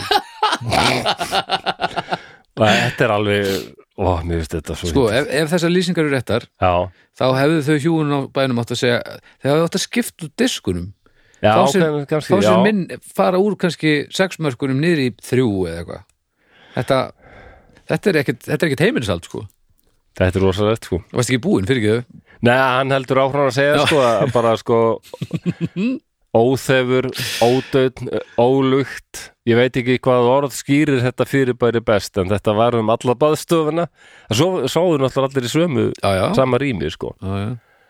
og þetta heitir að verða samdöina einhverju sko e, það var sem sagt bara trillingslega skítalitt hann inni sko e, þetta þótti eðlulegu hlutur og ekkert við slíkt aðtöða og frá þessum tíma kann ég orðtakið eða málsáttin sætir lykt úr sjálfsrassi og enga smugu var hægt að opna í baðstofinni hvernig fólk fór á því að draga andan í svona loftleysi er ráðgáta en þetta eru lýsingar Þetta eru ég elska lýsingar. þetta þetta eru svakalega lýsingar já, já, já. En, en sko, hann, það eru sem sagt bara allir rosalega vel í holdum að það já, það Með vantar þessa ekkert sko, lýsingu- og ég manna Þá er- að mamma þetta- mín sem var fætt 22 Mhm. og og var, oft, var alveg vindukon á bæjum ég meina hún sagði mér að það, hún er aldrei sko upplega hungur það var alltaf til nægur matur í sveitunum það er alltaf það sem hún var sko Mm. En þarna var að vera, þetta hljómar eins og þarna hafi verið að borða umfram það sem þurfti umfram sem sagt orkunum sem þurfti í vinnuna það, já, út frá þessum lýsingum en vissulega þá ætla ég nú að svona, lýsa Já, yfir svona ákveðu vinnufólki. vantrausti á þessum já, lýsingum ok, já það má- að einhverju leiti, já, þó að ég held að grunn, grunnpunktunum geti verið svo réttur sko já, þegar við komum í stórskotali þá svona, spyr maður sig hvort að Já, hann kannski að missa því aðeins í hérna, ég held að hann hafi nú alveg vitað að, að fólk með ætti eftir að hlæja að mörgu að þessu sko. já, þetta er alltaf, Hlýtur að vera. það er alltaf að vera að hlaða almenn lí Já, ég man að þú varst einu sinn svo mikill stuðnismæður kjöts minnum mig og Eh. hérna það mátti ekki talið illum beikon í þína nerveru Þannig Mér minnir það en Já, það kannski hefur þá verið eitthvað pós, held ég Já, Ekki það mér þykir- getur verið, mér- sko. Mér þykir það mjög gott, en, en það er náttúrulega En í kaplanum kjöt þá lýsir hann því til dæmis að bara aðalfæða mín var kjöt á heimilinu var til kjöt Mm. allan ásins ring Mm. aðla saltkjöt, hangikjöt nýtt kjöt um haust þannig að það er, Já. já, slótur já, já. og nýmjólk og oft gekk ég að mjólkur trógunum og þambaði rjóman er flaut ofan á þeim e, brauð var líka til hann borðaði ekki mikið en ef hann, ef hann fekk sér brauð, hann Jóhannes þá var yfirleitt meira þá var smjörið yfirleitt þykkara en brauðsniðin Hann hefur verið alveg galið bad já, Og ég meina, og það er gaman hvað hann er einmitt ekki að hlífa sér af Nei, því að nei, hann er alveg hugsa segir er að það, vera sko. einhver sem er með svona badna á, á, á bænum já, og þegar það er ekki bara að lúður í sér kjöti Já. eða drekka kaffi eða einmitt borða smjör með pínu bröðus afsökun þá er það bara haldun í mjólkurtrói að Já, já. ná rjómanum eða rífast í hálsískin sín og hann, hann talar alveg heilmikið um það voru íldeilur alveg stöðugar milli hans og eiginlega allra á heimilinu Nei, þú veist að- nema pappa sem mömmu ég, ég, þessi spenna sem myndaðist á milli hans og hinna já, er ekki skrítin Nei, hann, alls hann ekki. tala mikið um það hvað hann hafi degraður Já. eðlilega því að hann er á því að það hafi eðlilega Ah. hann er meðvitaður um það sérst, að þetta hafi ekki verið í lagi Já, já, á þessum tíma hann segir sko ég neytti meira kjöt sem nokkur annar heimilismanna Mm. þó að ég væri barnað aldrei og ekki bráðfroska líkamlega Mm. færi ég stuttarferðir með föðu mínum eða móðu minni og væri kjöt ekki til á einhverjum bæ þar sem við vorum nætursakir varði ég að vera svangur og furðaði margan hver matvandur ég var orðin þó að slíkt var ekki látið greinilegi ljós mm. eð, Já, já, þarna já ég, ég sá því kannski að su- suma grunni einhverja röskun sko það er eitthvað- Nei, og, en þetta er alveg það, ég er alveg sammálunum að, að fóröldarinni hefði nú getað haldið betur á spöðunum, heyris mér ef, ef þetta er Já. rétt, sko Já, þetta já. er náttúrulega hann er náttúrulega bara að elta það sem hún finnst best og það er enginn að stoppa hann þannig að, og hann er bann Já. Þú veist, við getum ekki, það er ekkert við hann að sakast þannig en Nei, nei hann, og hann talar oft um þetta sko og, og pappan þótti greinlega rosalega vænt um hann og, og vernda hann alveg svakalega mm, og, og það var oft verið að sko hann segir þetta miklum gullhömrum var faðir minn slegin varðandi mig þeir fóru í hann fóru ykkur með pappa sínum í- þegar pappa hans var að heimsækja eitthvað bónda í mm. skafaferðasíslunni ok, um, og var eftir verið að rósa Jóhannes að hann hefur virkað eitthvað svona já, líklega klár sko og öðruvísi og svona skarpur mm, um, og, og hann var mikið rausað um það að ég hlýt að vera fjarska gáfaður mm, Báður voru, báðir vorum við feðgar mjög hrytnir að þessu lofi mm ef lof skildi kalla því þetta er hans mesta börl Ah, já, Eh, hann kemst að þeirri niðurstöðu sem stið bókinu ok, ok, ok já, já. já, þegar leiðað fermingar aldrei tók ég að neyta fjölbreyttari fæðu en kjöt hefur ávallt skipað hásæti meðal allra matartegunda alla mína æfi Vá. Hann um Já, hann er- fermingu, þá byrja hann að borða eitthvað annað en kjött. já, Það er rosalegt.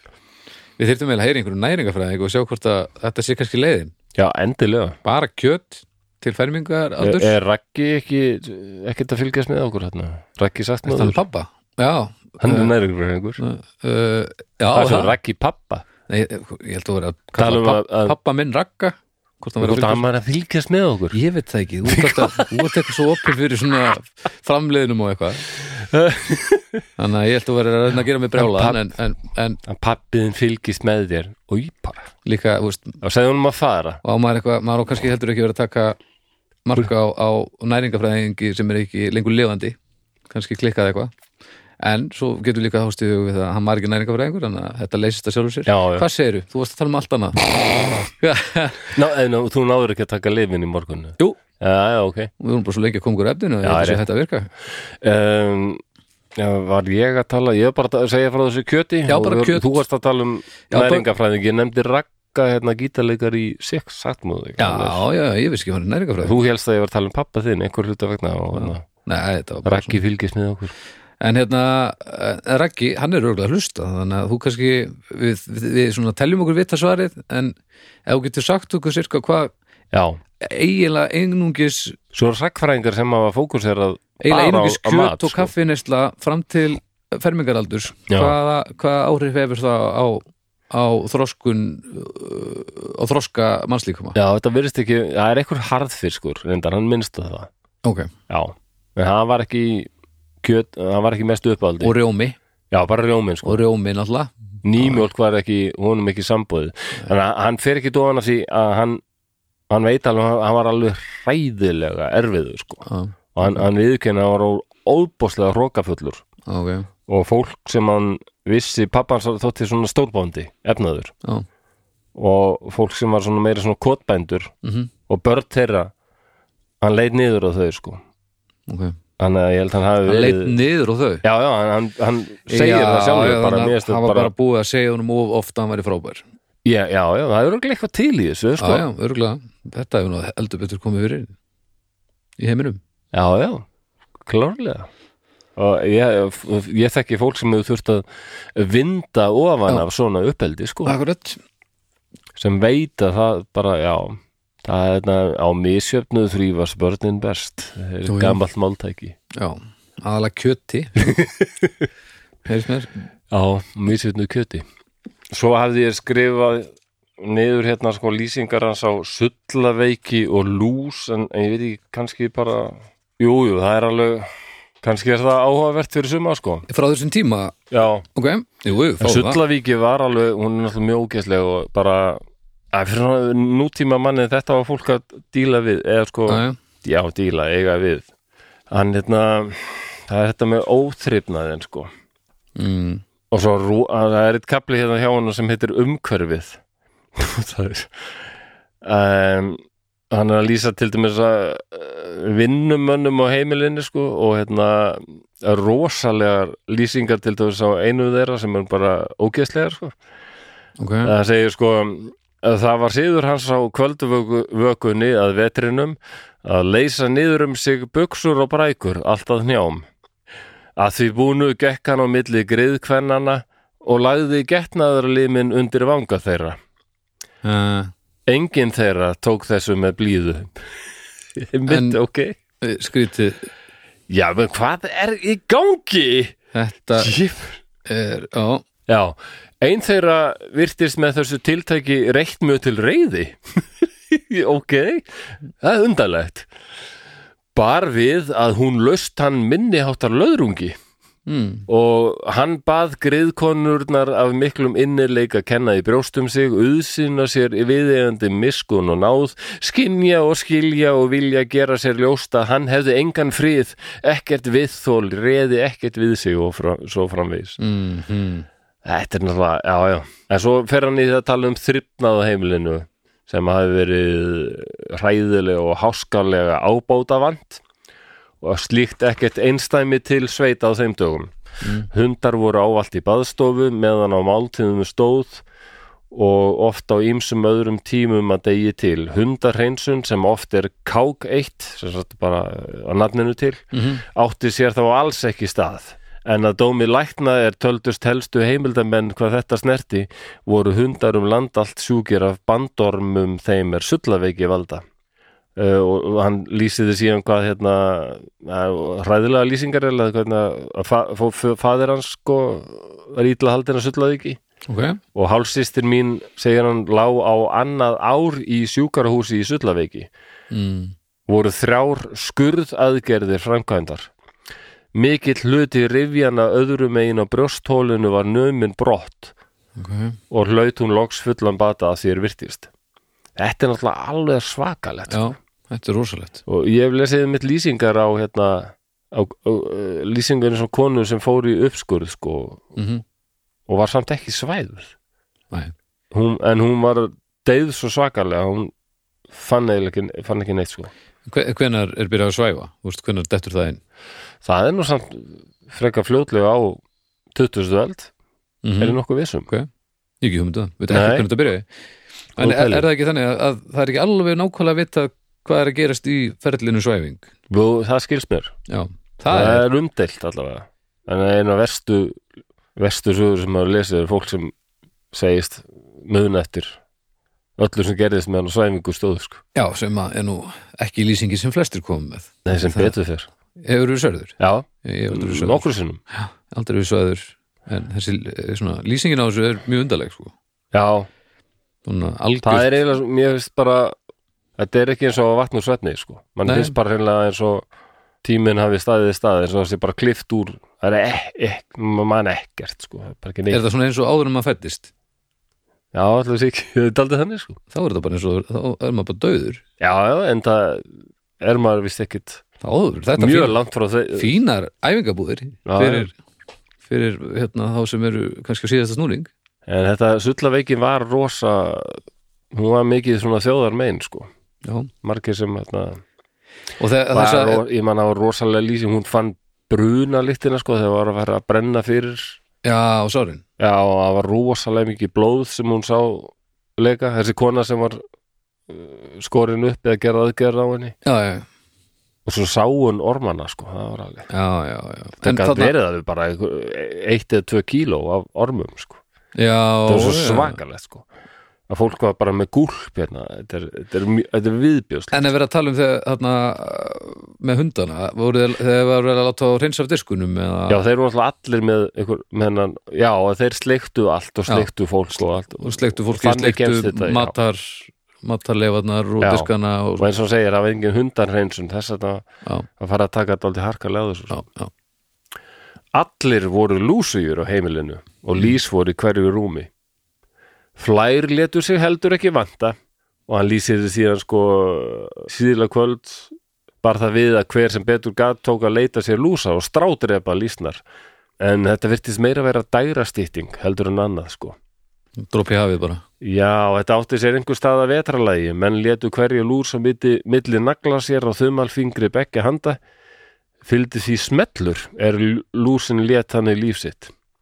Heyrðust oft margir slíkir smellir samtímis og þannig er komnar mjög merkilega lýsingar hjá Birkiland á baðstofu líðinu, lífinu. Það er allir með eins mikið af kjöti og mat sem þið geti í sér látið mm -hmm. Það er valla hægt að draga andan mm -hmm. þannig inni vegna þess að skítaliktinu og prumpufílan er svo svakaleg ah, já. og svo er allir klórandi sér og, og sprengjandi lýs og það er bara svona lúsa sprengju kvellir síðla kvölds Þetta, já, Lýsnar voru álitnar sjálfsæður og óhjákvæmilegu hlutur ég mann talandu mm. Tryggur Efilsson þá mann ég hann var náttúrulega orðin bara komin á unglingsaldur þegar hann uh, að mann eftir því að hann losnaði við lús, lúsna Já. í fyrsta skipti og hún hafði fyllt honum bara alveg og hvernig losnaði hann við það? Þú veist, hver var leiðin? ég, Bara- Eh, hann var eitthvað svona reynsun sko klippa hárið og bara þrippnaður Bara alm, almenn, almenn viðhald bara já, komast í hýbíli þar sem, sem, þar sem var bara meiri þrifnaður Já.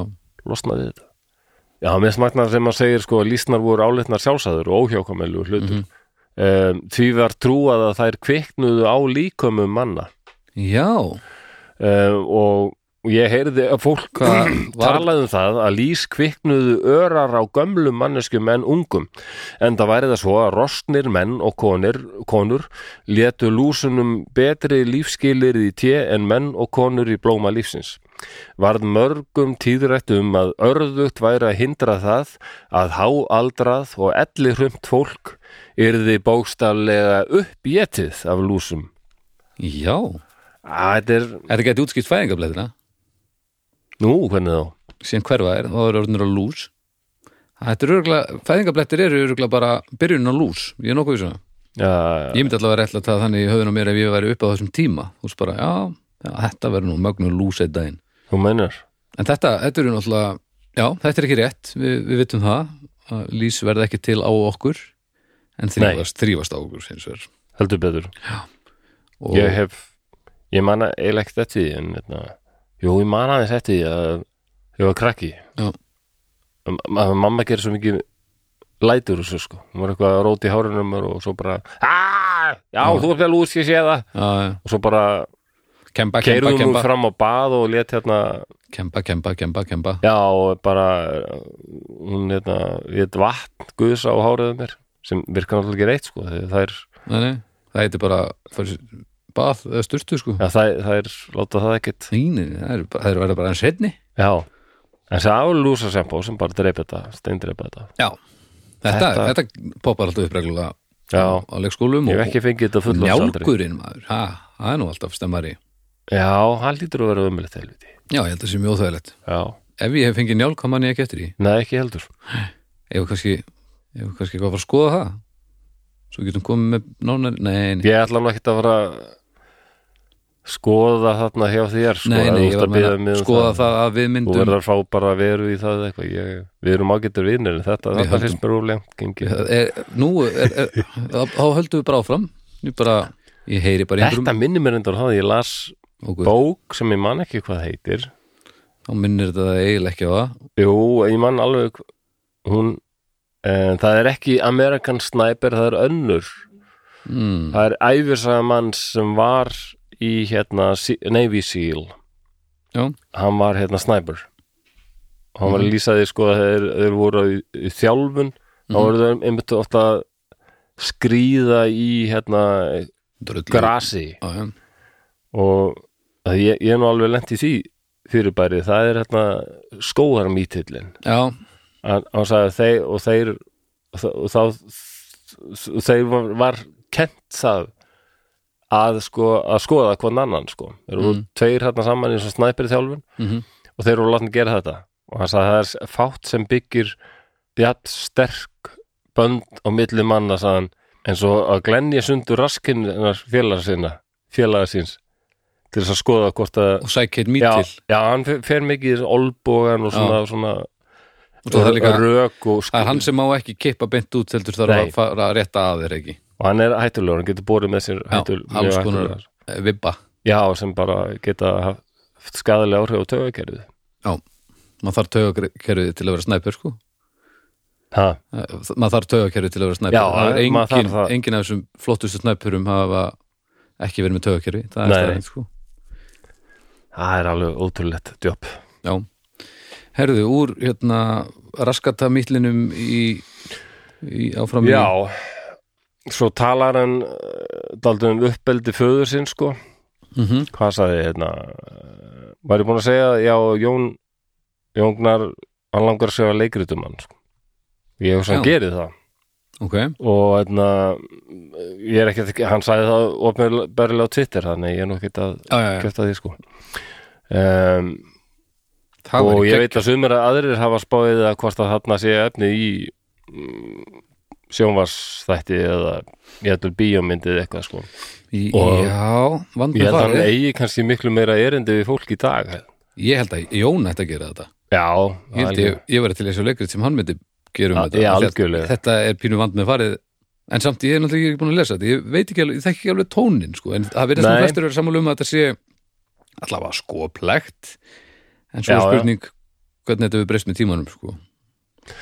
það er líka sko Þorsteinn Andorsson skrifaði eins og í skýrni mjög skemmtilega grein sem var alltaf um Jóhannes og, og bókina Mm. um, Ármann eh, Þorsteinn Andorsson var rithundur, ég held hans er látin alveg reglega uh, það verður að hlusta á lífi fyrir Já, fyrir ekki Þorsteinn Hann- já, það- Ármann Káur Einarsson reytöfundur líka hann er látin, ég veit það Þannig að- Ok. og oft vinsæll reytöfundur hann vann uh, oft líka svona leigubýrstöri og það er alveg kostulega lýsingar á honum á Birkiland, þeir kynntust og hann keirði oft Jóhannes og honum fannst Jóhannes mjög sérstakur og skrítið, en hann sagði þetta er eitt sérstast maður, sérstæðasti Já, já. maður sem ég kynst Ok, en, en ok. skemmtilegu líka Já. og hérna a- þá var uh, hann, uh, hún seldist ágætlega þessi bók sko ok, og hann var mjög duglugur að selja hana sko ok og hann hérna hann lísti ykti mann Ármann sko var, var að keira seint að kvöldið að alþingishúsinu og var það að fara bak bakvið Já. Af því að hann var að fara að selja tveimur alþingismönnu bók það mátti náttúrulega al- alls ekki sjást að þeir var að kaupa bókina það var kull já, og launungarmál og hérna hann sett hann og hann bara var mikið vinnustundunar oft að keira með hann sko hingað og þangað þar sem hann var að fara með þessa bók og hann setti bara hann- vinnustundunar sem þurftu til þess að selja þetta Ármann sagði að það var ekki ódýrt að taka leigubíl sko Nei. þannig að en hann basically hann, mömmu fannst þetta alltaf rosalegu lúksus að taka leigubíl já, nú já, komstu bara með prívat bíl sem að á að vera finnst manni já, já, heldur betur sko. En hann, hann basically herbertaði þetta bara já, já, Hann bara, Ég gerði bara það. va- va- setti bara vinnustundi Já, í þetta já. Það Ok, er vel hérna, gert. í, í þessari bók þá stendur sko hérna í byrjun af bók þessari eru gefin út 500 tölusett eintök og er þetta númer og svo vantar eitthvað númer svo fann ég hérna rosalega fyndin míða sem er hérna já hérna er hann, ég fann hann akkurat að miði inn í bókinni Mm. Sá sem greiðir krónur hundrað fyrir þessa bók gerir það til þess að styrkja fjölskyldu Birkilands í mjög örðugum kringumstæðum. Bæði móðirinn og faðirinn eru heilsubiluð. Þau eiga þrjár mjög ungar dætur. Æ, já, ok. Má sjá hann. Og þessi miði. Já, Þetta er svo dýldi. Já, já, ég get ekki varist hlátri. Nei, Mér finnst þetta er eitthvað nefnilega- svo... Þetta, þetta tóðist á við mér að ég er ekki búin að lesa bókina Nei, og nei. ég, þú ert búin að lesa hana og ég Já, sé hvað ég tón áreindar eftir sko smá Ok. Ég hef ekki komist í að En sundaði sem að Ég- ég meira ég er að minna sjá búin hérna með það. gæti verið mjög slæmt mál en það er einhvern veginn þér fyrst þetta svo fyndið og Já. veist þeim náttúrulega meir en ég líka Eh, og uh, Til... til, Það er svona, já, hann hefur náttúrulega ekki verið endilega að gera minna úr hlutunum heyris mér heldur en, heldur en hann hefur þurft, eða gæti hafa gert en á móti kemur þá þýðir það ekki að það hafi allt verið í lægi, skilur, þetta er svona Nei, svolítið, nei, nei. þetta er svolítið áhugavert allt saman þetta er stannblæð en já, Ég býtu, tel klárlega að Birkiland hefði átt að og hann segir það sjálfur sko okkur fekk ég ekki þá aðstóð og það uppeldi sem ég þurfti já, og, og eflust hefði hann þurft það sko og kannski er rétt sem Óttar segir í dag ef hann væri barn í dag og er strax búið að greina hann bara Asperger eða eitthvað og bara þessi drengur þarf svona svona svona kennslu og já, það er fínt eh, hérna, já, já, eh, þú veist að það sem Óttar sagði hérna, það var ekkert allt alrónt, það bara pyrrandi þessi, þessi tótt Já, þessi, það er svona, Ég- já, ég- ég- það er aldrei svona, já, fólk í dag er helgu aumingar. og svo, Ef þið er ekki búin að átt ykkur á því þá er Nei, ég að svo- meina það að ég hef nú ekki trú á því sem koma skal Mér finnst þetta svo fyndið. Ég er náttúrulega óalega skrítið maður. Ég les ko- til dæmis kommentakerfi fjölmiðlana mér til skemmtunar. Já, ég geri það nú ekki og mér finnst ókurti þessi veldur yfirleitt hjá mér sko, mér finnst hún fyndin ég Þetta fyrir bara fe- að hlæja Ég fer, Þetta fer eftir samhengi og, já, já, það gerir það og ásetningur Og getur farið yfir línuna. Það fer allt í, eh, beint í ásetningin Hvað er þetta mér er eitthvað að svona reyna að ná munur fram? eitthvað munur á ókurtis og dónaskap sko. Já, þú veist, hvað ertu að reyna að ná fram? Ertu að reyna að gera eitthvað dringlan á netinu eða ertu að reyna að láta viðkomandi upplifa eins og hann sé verra lífformið þú? Það er munur á þessu tönnu Já, já. það er rétt sko En herru, hvað, Ég- já, hvert já. varstu komin? Sullaveiki og eitthvað? já? já, ég vil tala bara sko eh, að Ármann uh, lýsir honum Jóhannes Birkiland sko Já. og talandi um þetta að með kvíða og eitthvað svona sjúklega hræðslu eða fóbíu sko Mm. sem myndist líka hafa hrjáðan hann, hann En myndist þannig erum við komin á öfri ár bara Það já, var já, svo- hann minnist þess til dæmis sko, já, já, bara undir lokin sko, hann minnist þess eftir að bókin kom út sko Mm. hann, hann minnist þess að, að einhver tíman var hann að keira uh, Birkiland og hann var að fara um og reyna að selja bókina Mm. og fjölskyldan var með honum í bílnum sko Mhm. sem sagt þarna dóttir hans eða stjúpdóttir og, og eiginkonan sko Ok, og börnin er eitthvað kvarta þetta er ekki tóa gaman útrúlegt útrúlegt Mm, og segja að er hann svöng og, og, og Birkiland sagði bara það er ekki þetta borða neitt, ég get ekki geift neitt mat fyrir en ég fæ pening fyrir að selja bækurnar, þið ljóti að sjá það og, Mm.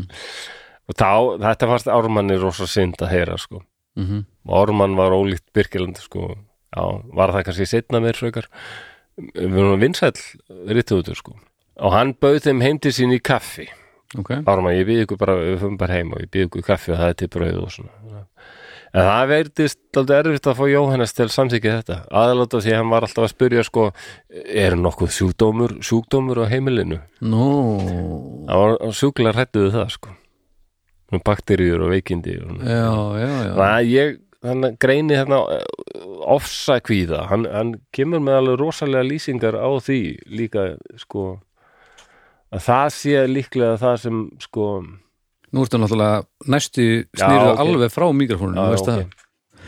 Ná, ég veit þetta er rétt Ah. en uh, til dæmis það sem Þorstið Antonsson segir um, um Jóhannes er sko að hann er eitt sérstæðasti persónuleik í íslenska bókmyndasögu þessar öld, það er ekkit minna Ok, um, hann, hann, hann orti mikil fengleg ljóð á ensku og önnur og íslensku sem í besta lagi geta talist miðlungskveðskapur já, ok en hann rítstýrði stærsta menningartímariti sem geðið hefur verið út á Íslandi það sem komu greinar eftir marga brotta íslensk menningarlífs já, hvað er blaði ég, herrðu, ég veit ekki alveg hvað það heiti þess man ekki hvað hétt Ok, hann minnist ekkert á það í bókinni en ég hef ekki séð það það er sko Já, haldur bara fram og hann bjó á litla raunni fyrir sunnan og, og lendi þar upp á kant við samvistarmenn sína mm.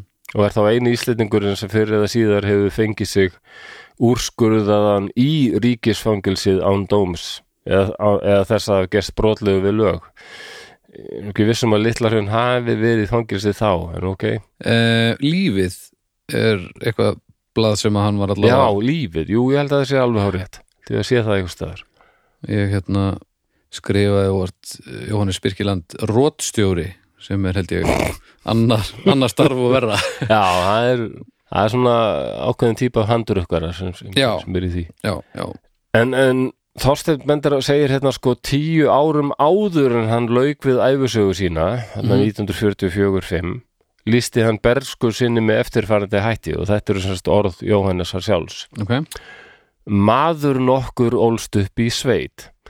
Hann var ákaflega hrifurnæmur, viðkvæmur og tilfinningaríkur. Hann gætt sungið áður en hann fór að geta talað. mm. Hann ráfaði oft einförum því það var ekkert barn til að leika sér við. Hann lifði sig þá þegar algjörlega inn í sjálfan sig og þar af leiðandi var það svo æfina út. Hræðsla við grílu, bóla og helvíti eitraði líf hans meðan hann var mjög ungur og var honum óbærilegt mein alla æfi. Mm. Á heimilinu voru illdeilur. Þar var óhreinlæti og sóðaskapur, áfengis og tóbaksnaut og fleira síðspillandi. Allt skadlegt var látið eftir drengnum. en skilning og nöðsilegt ástríki skorti. Honum var bannað að vinna, unsan fekk mótneið gegn allri vinnu. ok. Ætt fólk hans streyndi að vísum að hann gengi skólavegin, en þrátt fyrir viðvörun mentaðis manns er bauðst til að kenna honum undir mentaskólan, fekk hann ekki að byrja að læra, uns námshæfileikar hans höfðu slóðgast svo að hann treystist ekki til að stunda nám. Hann var gerður að algerlega vilja og stefnulausum kjarkleysinga fyrir gjörvall lífið. Mjög snemma bara á ástneið hjá honum. Á áttunda aldursári varð hann gagn tekin af ást til 14 ára stúlku. Egið þorði hann að trúa foreldum sínum fyrir þessu mikilvæga lindarmáli af óta fyrir því að þau kynna að halda hann væri ekki með öllum mjalla. Aðeins tvær ljúfar endurminningar átti hann frá æsku árum. Önnur var sú að þegar hann var 12 ára var stúlka einu áru eldri tekin og heimilið. Unnust þau hugástum, hún lést litlu síðar. Ha, Ég pista afsökunar, ég var næstu fenn að hlæ. þetta, Æ, er ég vondur maður? Er, er, ég- er ég kaldlindur? Ég er bara... ég veit það ekki af Nei. því ég veit ekki hvað er rétt í þessu Æ, ok. En þetta er til dæmis, þetta eru hörmulega frásagnir, þetta eru það.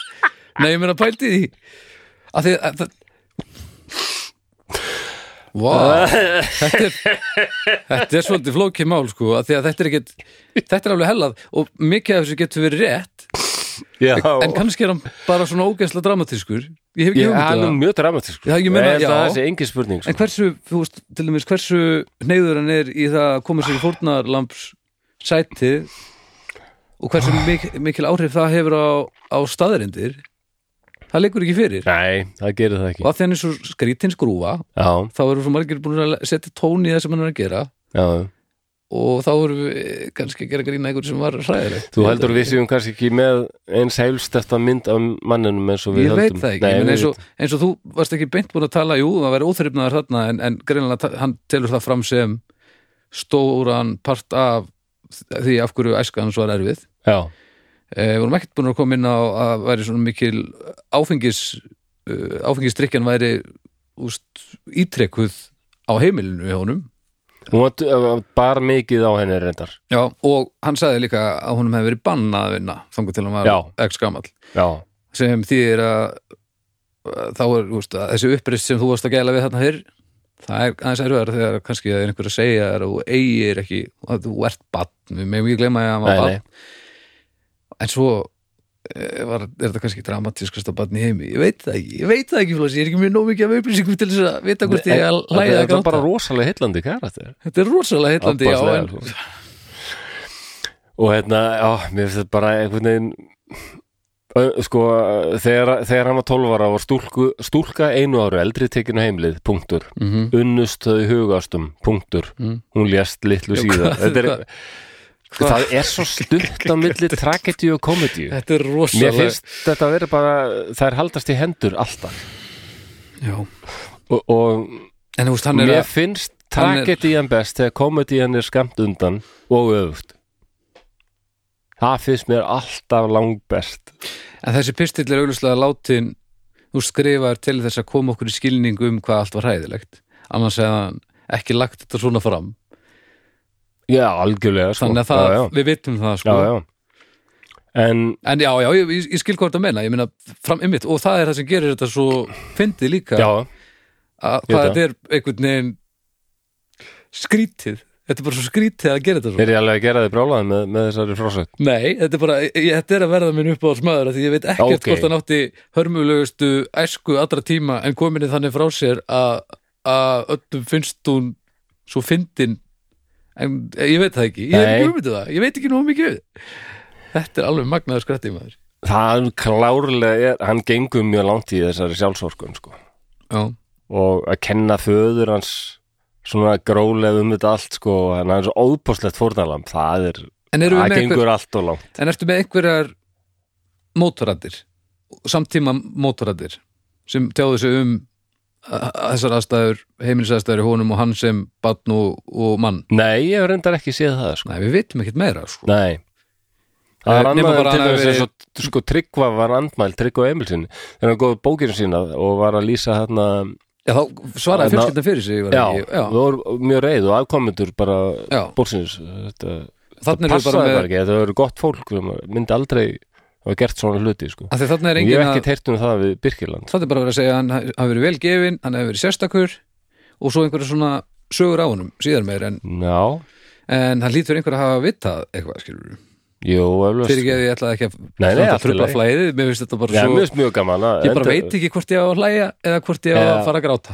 ég bara er er ekki það, viss, En er það kynnslóðabili sem er að koma þar sko? ég veit það ekki eða kannski er það líka Ég er náttúrulega 54 ára og ég er miklu verri manneska fyrir vikið nei, Ég er miklu vanar að því að hlæja nei þér er líka, þú ert líka nær döðunum hann að það er minna undir að að að opinbera hvað þú ert slæm manneskja hvert fjöldanum Já, ég er, enna, ég er kannski meira að haldi í mér af því ég vil við langar til að vera réttu megin í þessu ef að eitthvað hræðir þetta átt þessu stað sem getur verið kynnslóðbili líka eða kannski Já. bara e, hræðsla í mér sem einstaklinga að, að vil ekki vera mig einhvern veginn á borð en já, skilur hvað ég menna já, já. En þessi sem ég dö- er eini samt að pæla sem allar minnst í en að maður fellur einhvern veginn oft í þá greifu samt sem aður að móti kemur þá langar mér heldur ekki að hlæja að einhverju sem átti hörmulega æfi en hann er ekki að hjálpa mér með þessum texta Nei, ég sko. hann veit er ekki það. að því Hann það er er svolítið ó- strempið sko. alveg, þetta er svo kostulegt sko.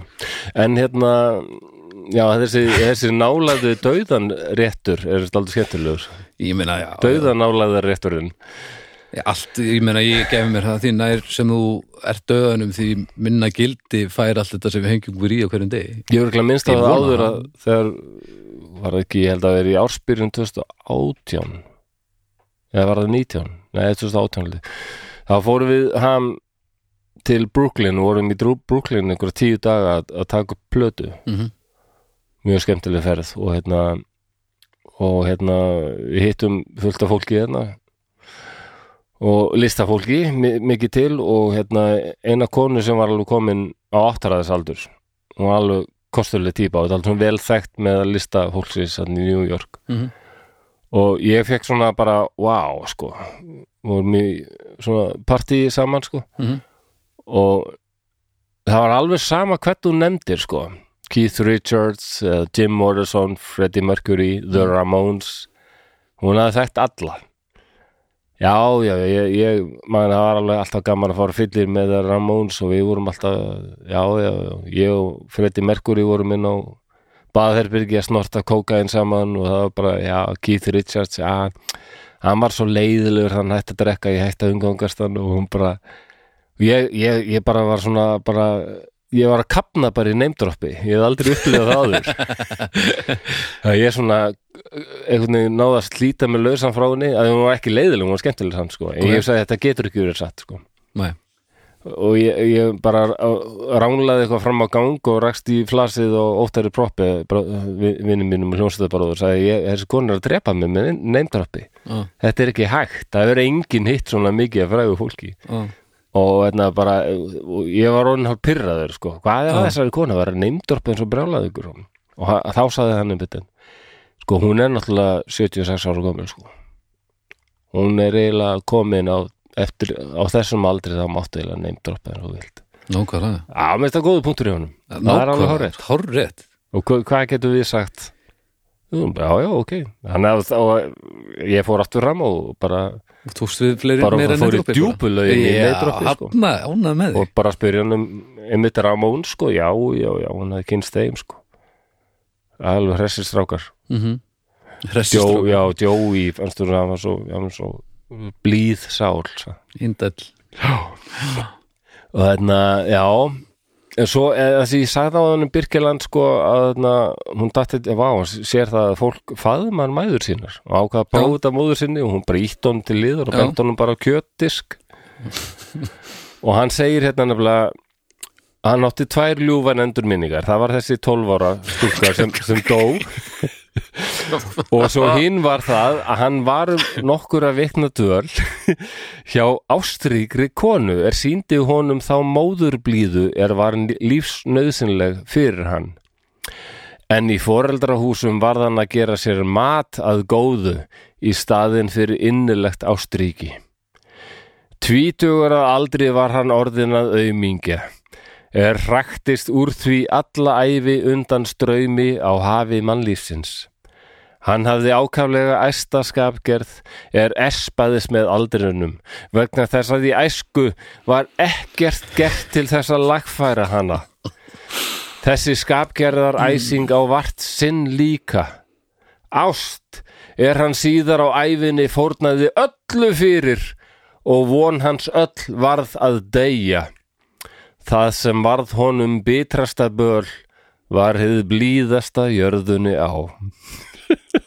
Þetta er hans orð. Þetta Það er að segja samt að Það var rosalegt. ástinn sko. já, já Hið blíðasta jörðunni á varð hans bitrasta böl.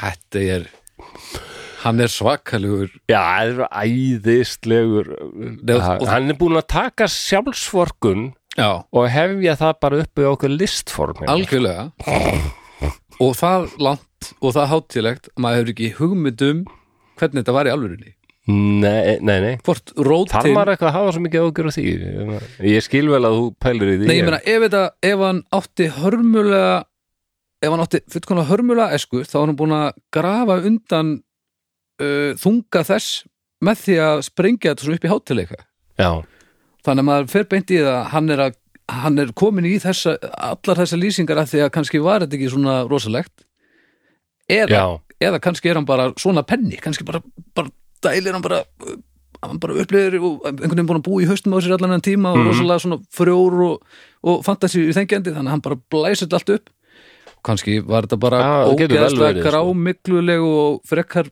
slæm uh, barnæska skilur já, góðu punktur sko og stíllinn gefur manni tækifæri til að læja því Það var þú veist, klálega ekkert sem hérna örfaði hann Nei, þetta er, þetta, mér finnst þetta mjög áhugavert og ég væri til í að vita hvernig þetta var í alvörunni af því að, Já. að því að, þú veist, við getum verið samanlega að þetta var náttúrulega ekki svona í alvörunni Nei, Jú, jú, eða ekki bara það meina, þá er þetta ræðilegt Það væri svo Þá er þetta Það ræðilegt væri svo okkinslega fyndið Ná, þetta var svo Ef þú skilur hvað ég meina Já, já, Ó, Þetta er alveg magnað Elsku kallinn maður já En það er, ól, já, það er mjög ólíklegt að þetta hafi verið svo slæmt en það þýðir ekki að það hafi ekki verið slæmt En þetta er, hann er fló- skemmtilegu penni sko. Æðislegur sko hann kann fullt af Já, já, orðum já.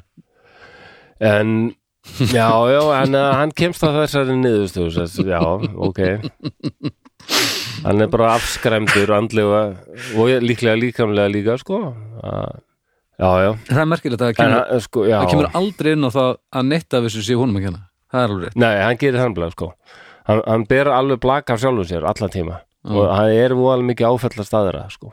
og það eins og Þorsteinn Antonsson bendir á í þessari grein í skýrði sko, að hann segir sko Uh, já, þetta einkennir lífslaup hans allt, langt og krókótt það að bera blaka af sjálfum sér og áfellast aðra Já, já, fyrir já. eigin áfell ok, ok, Já. þar er þetta er samt klálega e, rödd annars og Þorsteinn segir sko stundum eru þessir tilburðir einfallega hlægilegir stundum fáránlegir stundum átakanlegir Já, þetta er það sem ég var að byggja um á akkurat, hann ég veit bara, það bara fá annars sjónulóð Og, og Þorsteinn segir áfram hann leitar ekki svo langt við sjálfskönnum sína að hann reyna að grafast fyrir um uppeldi örlagavalda sinna. Hvað nú einni ef þeir hefðu spilst í bernsku þótt með öðrum hætti væri en hann? mm. Nei, hinn raunverulega hörmungarsaga þessa manns hófst þegar hann hefði lokið við að rita yfirsöguna. Hann hefði þá átt að axla ábyrð þótt órökvíst væri fremur en aðrir, ekki síður.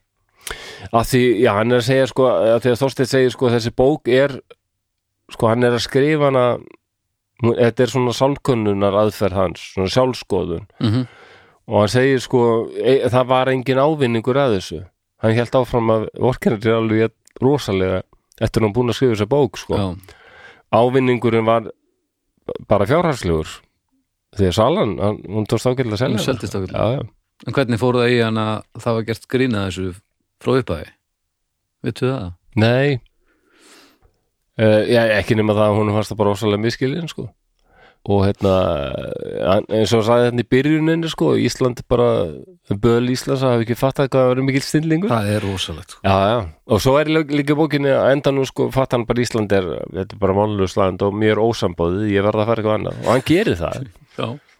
það batnar ekki neitt hann fyrir bandaríkina sko það er alveg bara skelfingu lostin að komast að því að bandaríkjumenn ekkert að fatta Hvað er, eins og vel hvað hann er mikill snillingu sko já, já þannig að það- það er eitthvað svona það er- það er eitth- já, það er eitthvað svona rauðu þráður já, eða ekki hljómar hann En nú er það besta, nú ætlaði ég sína Baldri myndað Jóhannes Birkiland. okay. Okay. Ég sá þessa mynd og hugsaði bara já, nákvæmlega, eins og Ok. bara... fyllir þetta Nei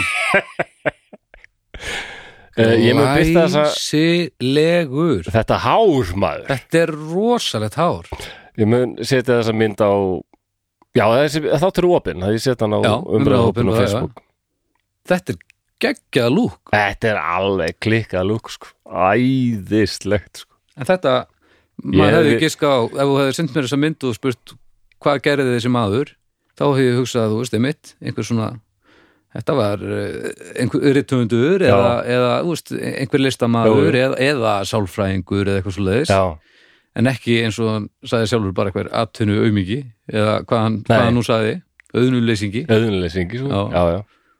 Uh, ég, ég hefði svo gerna viljað hitta, hitta hann. Stundum finn ég þessa tilfinningu þegar við erum að gera þætti, ég Já. vil hitta þessa persónu.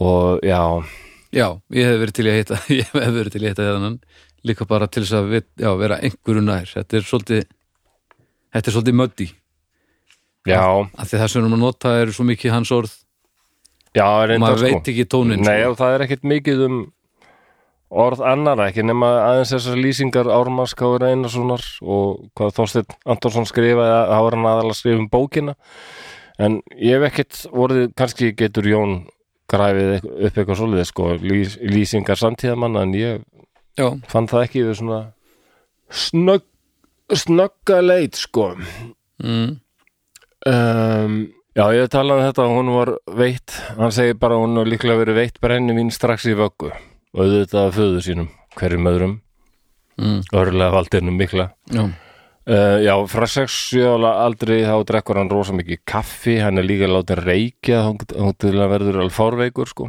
ok um, mest, ég hjá eftir því að við erum báðir hljóðfæraleikarar og músikantar að, að hann segir sko í, í sveitinni, allri sveitinni að var aðeins eitt hljóðfæri í allri sveitinni á einum bæ það var harmonika Mm, Nó. hann vandamáli var að kunni engin á hana Ó, og hann, hann skrifar á þeim bókinni sko hvað hann syrði það rosalega hann fréttaði því sko einhvern tímann kom ferðamaður hann Já.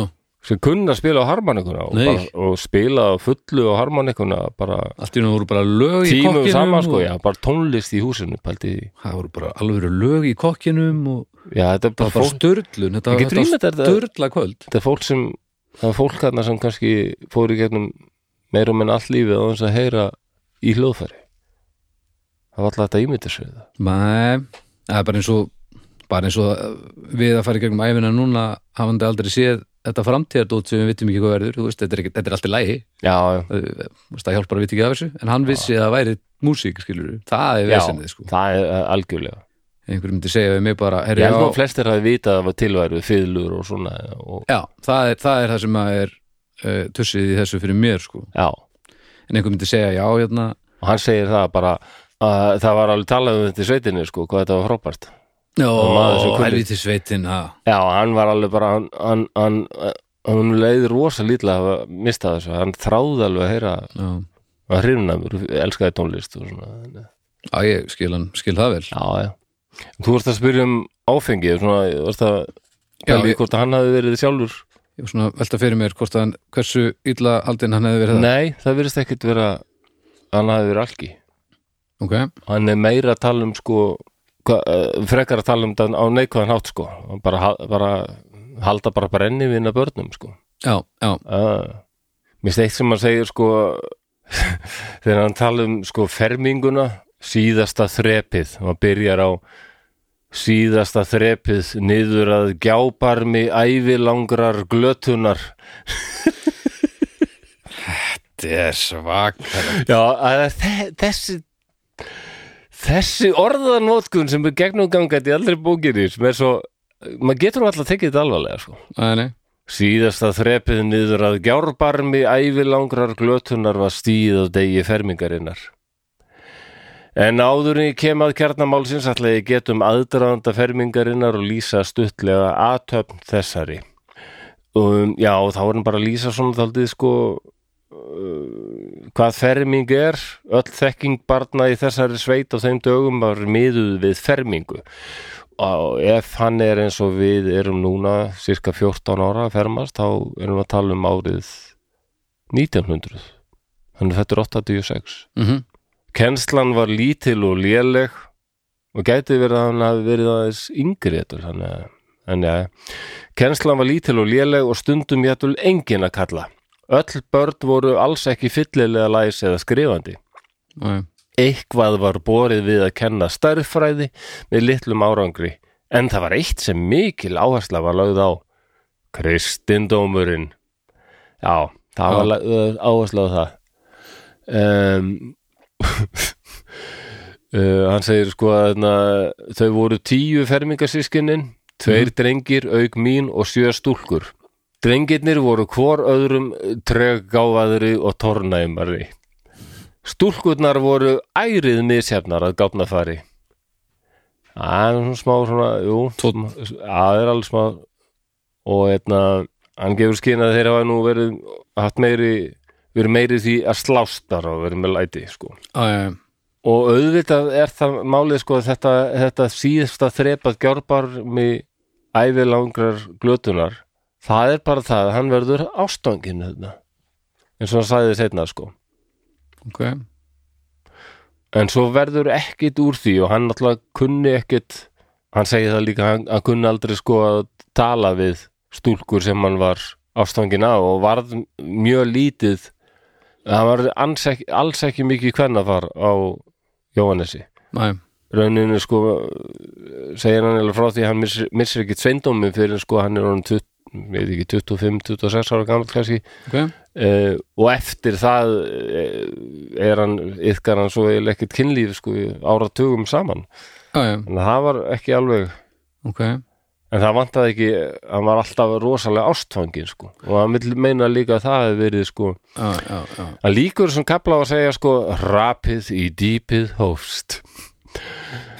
Á þeim vetri, vetrinum eftir ferminguna og núna er bara næstu orð feitletruð. Ok, Festi ákveðin skelfileg hræðsla rætur. Feitleturinn líkur. Eitraði líf mitt allt. Leiddi af sér nýjar hræðslur. Sljófgaði dómgrend mín á náms hæfileika. Lamaði og draploks þann kjark er ég hef auðvitað verið fættur með en raunar kann enn að hafa lifað, lifað fram að þessum tímamótum en verið líkt á blundandi eða í dróma eða leiðið í dái fram að þessu. Hún hindraði þróun viljafestu algerlega. Ekki átti ég foreldra mín að trúnaða vinum, frekar en fyrr. Þau rendu áreðanlega ekki minnsta grun í það hver mjög ég þjáðist. En þó að ég yrði að bera eitt þá þingstu sálarbyrði sem ég ber skín á vegna skorts á trúnaðar trösti til foreldra minna, fannst mér ég enn frekar en nokkru sinni fyrir vera algerlega hjálparvana án þeirra beggja. Með öðrum orðum, mér fannst ég verða meir og meir ósjálfbjarga, þess nær sem dró fullorðins aldri. Og kapla líkur. þetta er ro- rosalegt allt Ég veit það. En það, ég, já, ég, held- mér finnst hann vera að lýsa kvíða, sko. Getur verið, Ég held hann að blaða, sko. getur verið, getur líka ekki verið Nei, nei, það er náttúrulega eitt kapli sem heitir síðan líka sko, kemur segja það, sem heitir Ósköp ímyndunar veikinnar bandstrygg ógnir helvítiskenningarinnar Já, e, Þetta er nú bara svo bara plötutitill með hann eða eitthvað já, nákvæmlega Hann segir bara sko í eh, ég hef áður getið þess að í fjallgöngum hljóp ég alla leið af jafnsléttu upp á brún háfjalls nokkurs, gerðist bókstaflega sprengmóður og svo afskaplega þreyttur að við algeru örmögnun lágum. Ef frá leið tók ég að kenna hjarsláttar, óreglulegra æðaslaga og svo framvegis. En jafnframt þeim sjúkleika einkennum er til greina komu, heldtók mig ægileg ímyndunarveiki. Hræðsla sem var fólkin í því að ég hugði að hjartað hefði algjörlega bilað. Að ég gæti vænst dauðans á hverri stundu. Ótti við ógnir væntalegs helvítis. Þar eð breytni minni hafði verið mjög ápótavant, gerði mig friðstóla frá morgni til kvölds. Ég þorði ekki fyrir mitt litla líf að sopna nokkru sinni vegna þess að ég bjóst við að deyja og fara krókalaust til helvítis. Reyndi ég að halda mér vakandi nótt eftir nótt. Shit. Einnig á daginn eftir andvökunnætur, teljandi æðaslögin, haldandi hendinni á hjartastað, finnandi alls konar aðkenningar og óþægindi um gerðallan líkamann. Mér tókst oft að bæja svefninum frá með hörku bröðum, svo sólar ringum skipti í einni lotu. En stundum endaði þessi styrjöld gegn ásákn svepsins. Ég hef aldrei heist þetta. Ok. Þessi styrjöld gegn ásókn svepsins endaði með hljegi innan siga ósigri.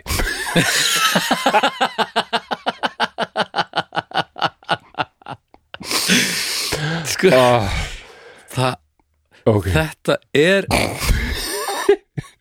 Það er eitthvað að, Baldur. já, ég meina, Það þetta er eitthvað var að. hann var alltaf bara að reyna að halda sér vakandi bara svona ef við tökum þetta, súmurum upp hvað var að gerast en þessi texti var listað Æðislegur. Það er einmitt svo, gerir þessa bók líka svo skemmtilega. Hún er skemmtilega. þetta er geggjað Því að þá reif svefnin mig í ramma sína áður en ég vissi af. Lá ég þá sem dauður væri, lá ég þá sem dauður væri, svo fast svaf ég, enda var það andverkun baróttu minnar. Eigi var ég alveg laus við martröð einstöku sinnum vegna þeirrar trublunar taugakerfisins er, er hugarvílið olli. Mm. Oftast var svefnin of djúpur fyrir drauma, en þá sjaldan að svo var ekki. Voru draumar mínir svo erfiðir að þeir voru blátt áfram helvískir.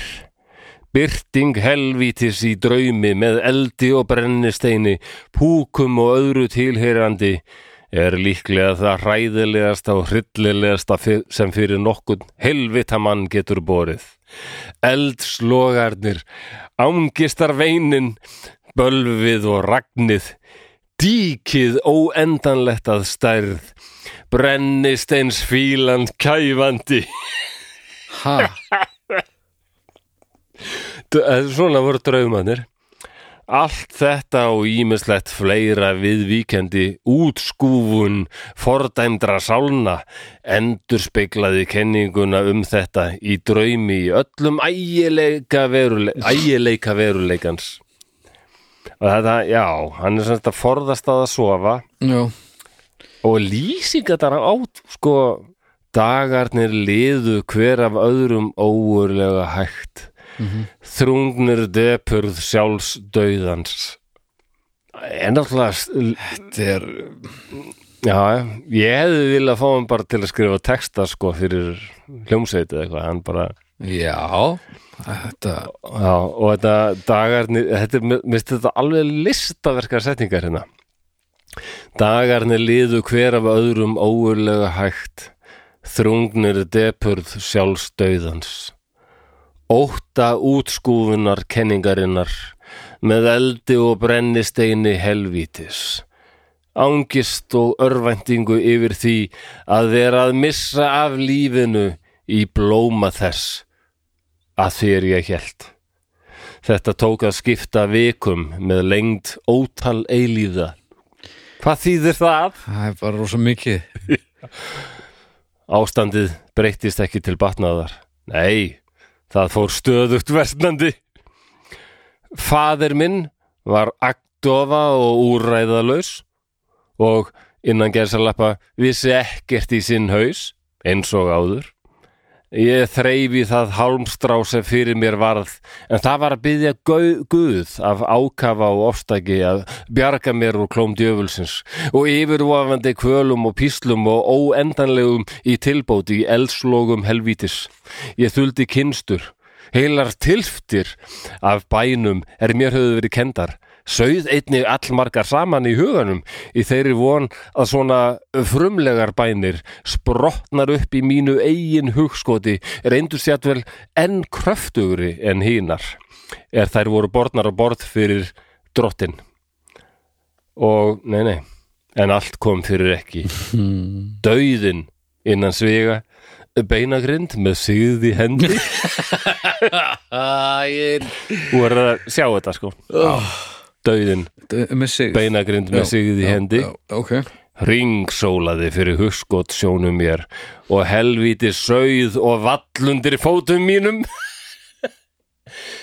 Ég dýrka Jóhannes Birkiland Það Þetta er- er æðislegur Þetta er textarsmiður geggjað Ég veit það En það, já, já Og þarna er hann sko, já, hann er svo hrætt Dag nokkurt krafðist ég þess að látið væri til skara skríða að því leitið að allt væri gert sem í mannlegu valdi stæði til þess að rífa mig úr greipum satans og forða sálu minni frá því að verða elslogum helvítis að bráð ef þess yrði nokkur kostur.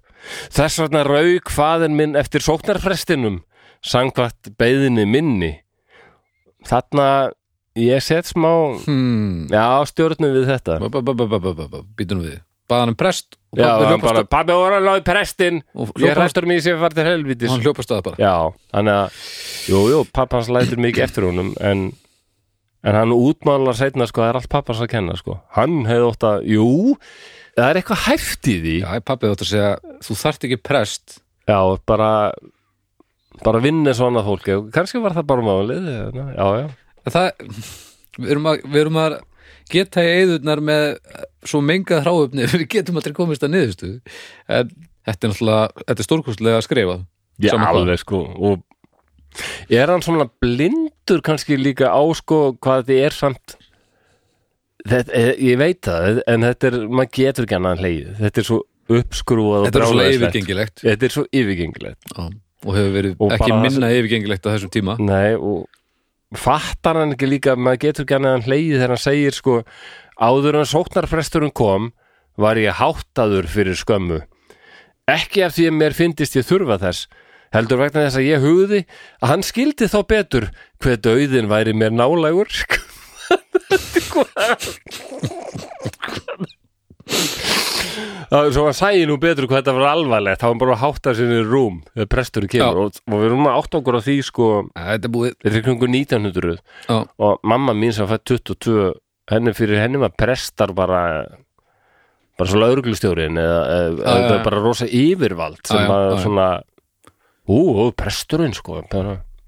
mamma spurði mig alltaf til þess að ég var að rukka fyrir blöðin bara blöðin borgaði prestsfrúin þér nei, hún sagði bara ég ætla að koma borgun já, það er ekki það var gata verið, auðvitað gerðum það anskotans helvíti og bara þá mamma var fljótt að bölva því sko að prestsfrúin sko mm. og ég var fyrir mér var bara eitthvað kona maðurinn enn og prestur og bara alveg svo alveg svo maður ko- æ, konur í hinu húsinu og trésmiður ég, en mömmu hans þetta eitthvað miklu meira prestur sko. Já, já, já, já, já, þannig að þeir tala eitthvað saman og Jóhannes spyr hvort hann get ekki ápyrist að að, að, að, að hann fari ekki til helvítis og presturinn reynir að be- segja um að, að syndabæki hans er mjög léttur sko. já, já, Hann er alltaf barn já Hann er ekki, já, þú veist þú er bara búið með hann svo mikið að rjóma umfram aðra það er svona stærsta syndin Ég, ég skinni að það er eitthvað mikið að Já, sko þannig erum við að reyna, að- eins og ég var að segja þann við erum að reyna að rýna í efni sem að er svo litað af Já, já, mögulega grunn vandamálu að það er ekki sens að vita hvað gerðist í alvörinni en má maður ekki bara vinna með það sem maður hefur Algjörlega, bara geggjað en en ég er alltaf að reyna að leysa málið skilur ég er alltaf bara með stækkun og gleri eitthvað hmm, Sko ok. Jón, Jón sagði mér að uh, hann, hann er alveg bara dýrkar Jónis Birkiland sko og allar að gera leikrit um hann já, sem ég vona að hann leiki sjálfur Já, aðalutur ekki vona sko. það. og bara fá einhvern æðislegan leikar til að leika pappa svo. Mhm. en missi sig ekki alveg sko nei, nei, ég veit að Jón kann það alveg sem er ökta grínari að tragedían þarf að vera alltaf Já, já. tragedía og komedi eru bara mjög bara tvíbjörnsýstur sko þær eru bara hliðulíð já, eru bestar saman sko og hérna þetta er tragikómist heldur betur maður auðvitað hefur maður, já og hvort hann ætla að ætla, En- hvort það hafi en verið Jón- planið er, um, er þetta að segja Jóni fannst Jón sjálfur er sko með, með ADHD mikið ADHD, Új, já, hræðilt fólk en hann hann sagði að eh, margir telja að hann hafi verið okkur einhverju rófi hvort það er Asperger eða eitthvað svona. það er einhverju rófi en alltaf mjög stort Já. og breytt og al, fólk er alls konar mm en ég greini kvíða, kannski út af því að ég er sjálfur kvíða sjúklingur en ekki með ADHD, ég veit það ekki já, en þessi, þessi, þessi er opaslega hræðisla við eitthvað sko og bara ég er viss um hann að ég er að fara til djöfulsi sko og bara halda sér frá svefni og Já, hvernig já. svefni kemur og, og hérna nær mér með rammi sínum í Já, já. aldrei eins og þetta lýsingar og eru svefni rosalega lýsingar á, á þessu Já. öllu saman Að Þetta er alveg heitlandi. Þannig séð er ég kannski ekki með mikið meira en það held ég sér þáttur sér alveg orðið hann er hann djúvul allt og drúgur langur sko en það væri alveg hægt að hafa lengri sko lýsingar á því þegar hann er í vesturheimi og ég hef ekkert farið í seinasta kaplan sem er alveg uh, með, það er líklega svona eitt, besti, ka- eitt besta kapla heiti okay. sem ég hérna, ég heldur að sína þér það síðasti kaplinn óurlegasta hörmungatímabil allrar minnar æfi og allt í kaps já, já, bara risa stórt á heilli síðu Ah. akkurat þetta Já, hann, hann hikaði ekki við það en svo hérna í, í þessu náttúrulega ágripi sem ég lasi í byrjun þá hérna segir hann sko, til dæmis þá er það í kaps hérna, ég er að sína baldur í sko þegar hann sagði sko þegar ég nú svo langt á minni æfu löngu ógefu för að endir slíkrar farar er skamt undan að líkindum og svo komið kjum bara hástafir löngu fyrir aldur fram og hástöfum líkur þetta, e, e, e, te- já, já þetta fer út yfir þetta, já, þetta fer alveg sko úr eigi þetta að vera harmsaga þá, en það er alveg það er erfitt að er bullandi komedi þarna já, já, já, já. ég get ekki að því gert, ég sé það þannig og kallið mig bara kallendan og vondan en, en uh, þessi kabli já, en, uh, óurlegasta óurlegasta hörmunga til tímabil allra minnar æfi uh, það er kablin meðal ræningja Mm. þá bara leigir hann hjá okkur í fjölskyldu og segir ekki farið sínar ekki sléttar af því ok, og ég held- fer ekki meiri en það en mér- mér finnst hann vera svona þ- alveg eins og þú segir sko þá mér finnst mjög líklegt að fjölskyldan hefði aðra sög að segja já það, það væri fróðlegt að já, svo talar hann um í vesturheimi en, en eh, þetta er auðvitað þræðurinn allt um í gegn og mér finnst Þorsteinn Antonsson mér finnst aldrei gaman og hann segir sko en uh, þessi bók átt að vera ofsalega sjálfskoðun og bara einmitt að rýna í af hverju mistöttu svona og, og finna ástæðuna og hann finnur ástæðuna en það er bara seint telur hann já, Já, hann, og það er- hann endar á því að vera fórnalamb þá má kannski já. skamman fyrir það en, en sjálfur er ég honum mjög þakklátur því að bókin er miklu finnari fyrir vik já sko Já, ég er að þessar kallendu kynslu ég heyri það en kom ykkur svona dómar og eitthvað um bókina þegar hún kemur út ekki sem ég hef lesið og ég bara ég ætla að fara í það núna reyndar ég uh, leitaði eitthvað svona á tímarit.is um Birkiland en, en mest að ég var ég fann ekki neina samtíma reyndóma Nei. en, ekki, en ég bara lesi það að eins og Óttar sagði þarna Óttar Guðmur sagði að það nefntu sig engin sko Nei. og eina sem ég hef Eh, hann fundið var hérna bara brandari sko eina sem ég hef fundið hérna er april 68 já, Endurmat og yfirvegun fjörnir annan tölubla fyrsta árgangs greinar höfundu Björgólu Stefánsson Eh, bara stutta klausu úr því svo er það allt hið linnuleysa þvaður um Jóhannes Birkiland sem unnið hefur sér það til fræðar að reyta æfisögu sína innan sögja harmsögu koma henni á brent og árita öll eintökin Þetta virðist ekki vera mjög vænlegt til að glæða innan gæðsalappa þriðja bekkjar komplexana enda harla andlust Eitt er mér minnistætt úr harmsögunni, það er hvernig sveitungar Jóhannesar þvóðu sér í framann, en það voru aðtiklisverðar aðfærir. Þetta er eina kvótið Já. sem ég fann.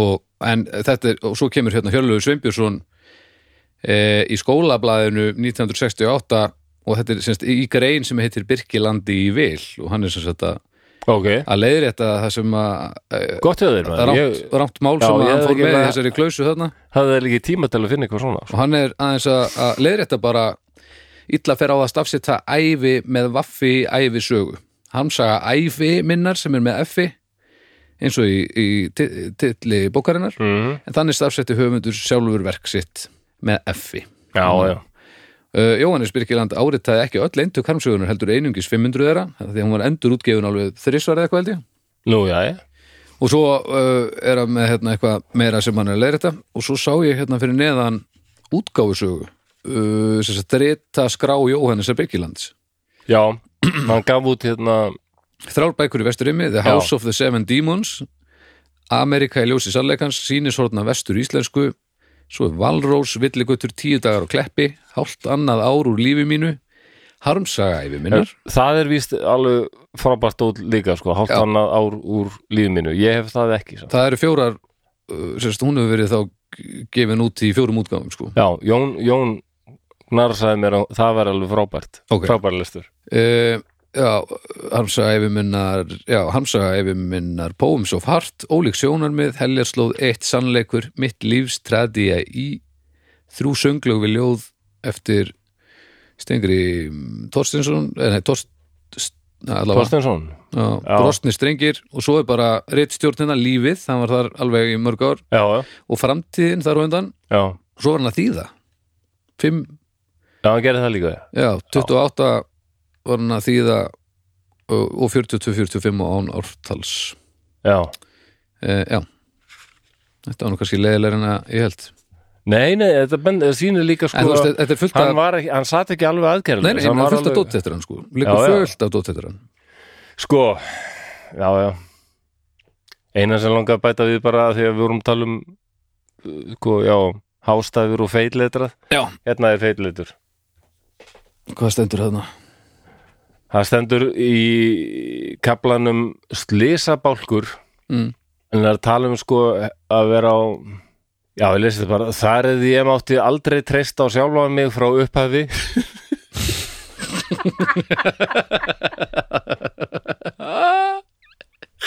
Sko, þú hlæri líka Rosalega hefði Ó, hvað ég hefði vel hitta Birkiland maður Ég hefði verið til að hitta hann bara reglulega og fóð mér kaffið með honum og bara en kannski, ég veit ekki maður, veist.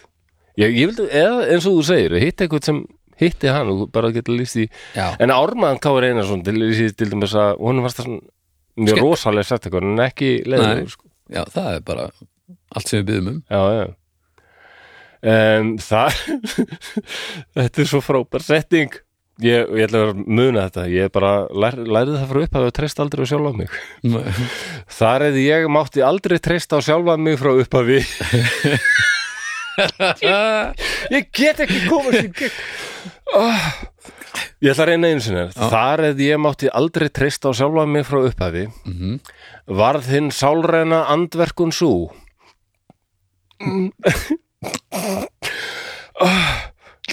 Að ég varð andlega sljór gegn hættum Heilbrigð varúð varð fjarræn og slís urðu óhjákvæmileg einvörðungu að þeim sökund á einvörðungu Já, örugglega. já, já. aldrei var mér kent að sitja hest eins og manni sómdi og núna kemur feitletrað Kapp- Kapp svo feitt já, en nei, bara, bara, feit. enda- ekki kapsaldur Ok. okay. feitletrað en endar með upprópunummerki Ok.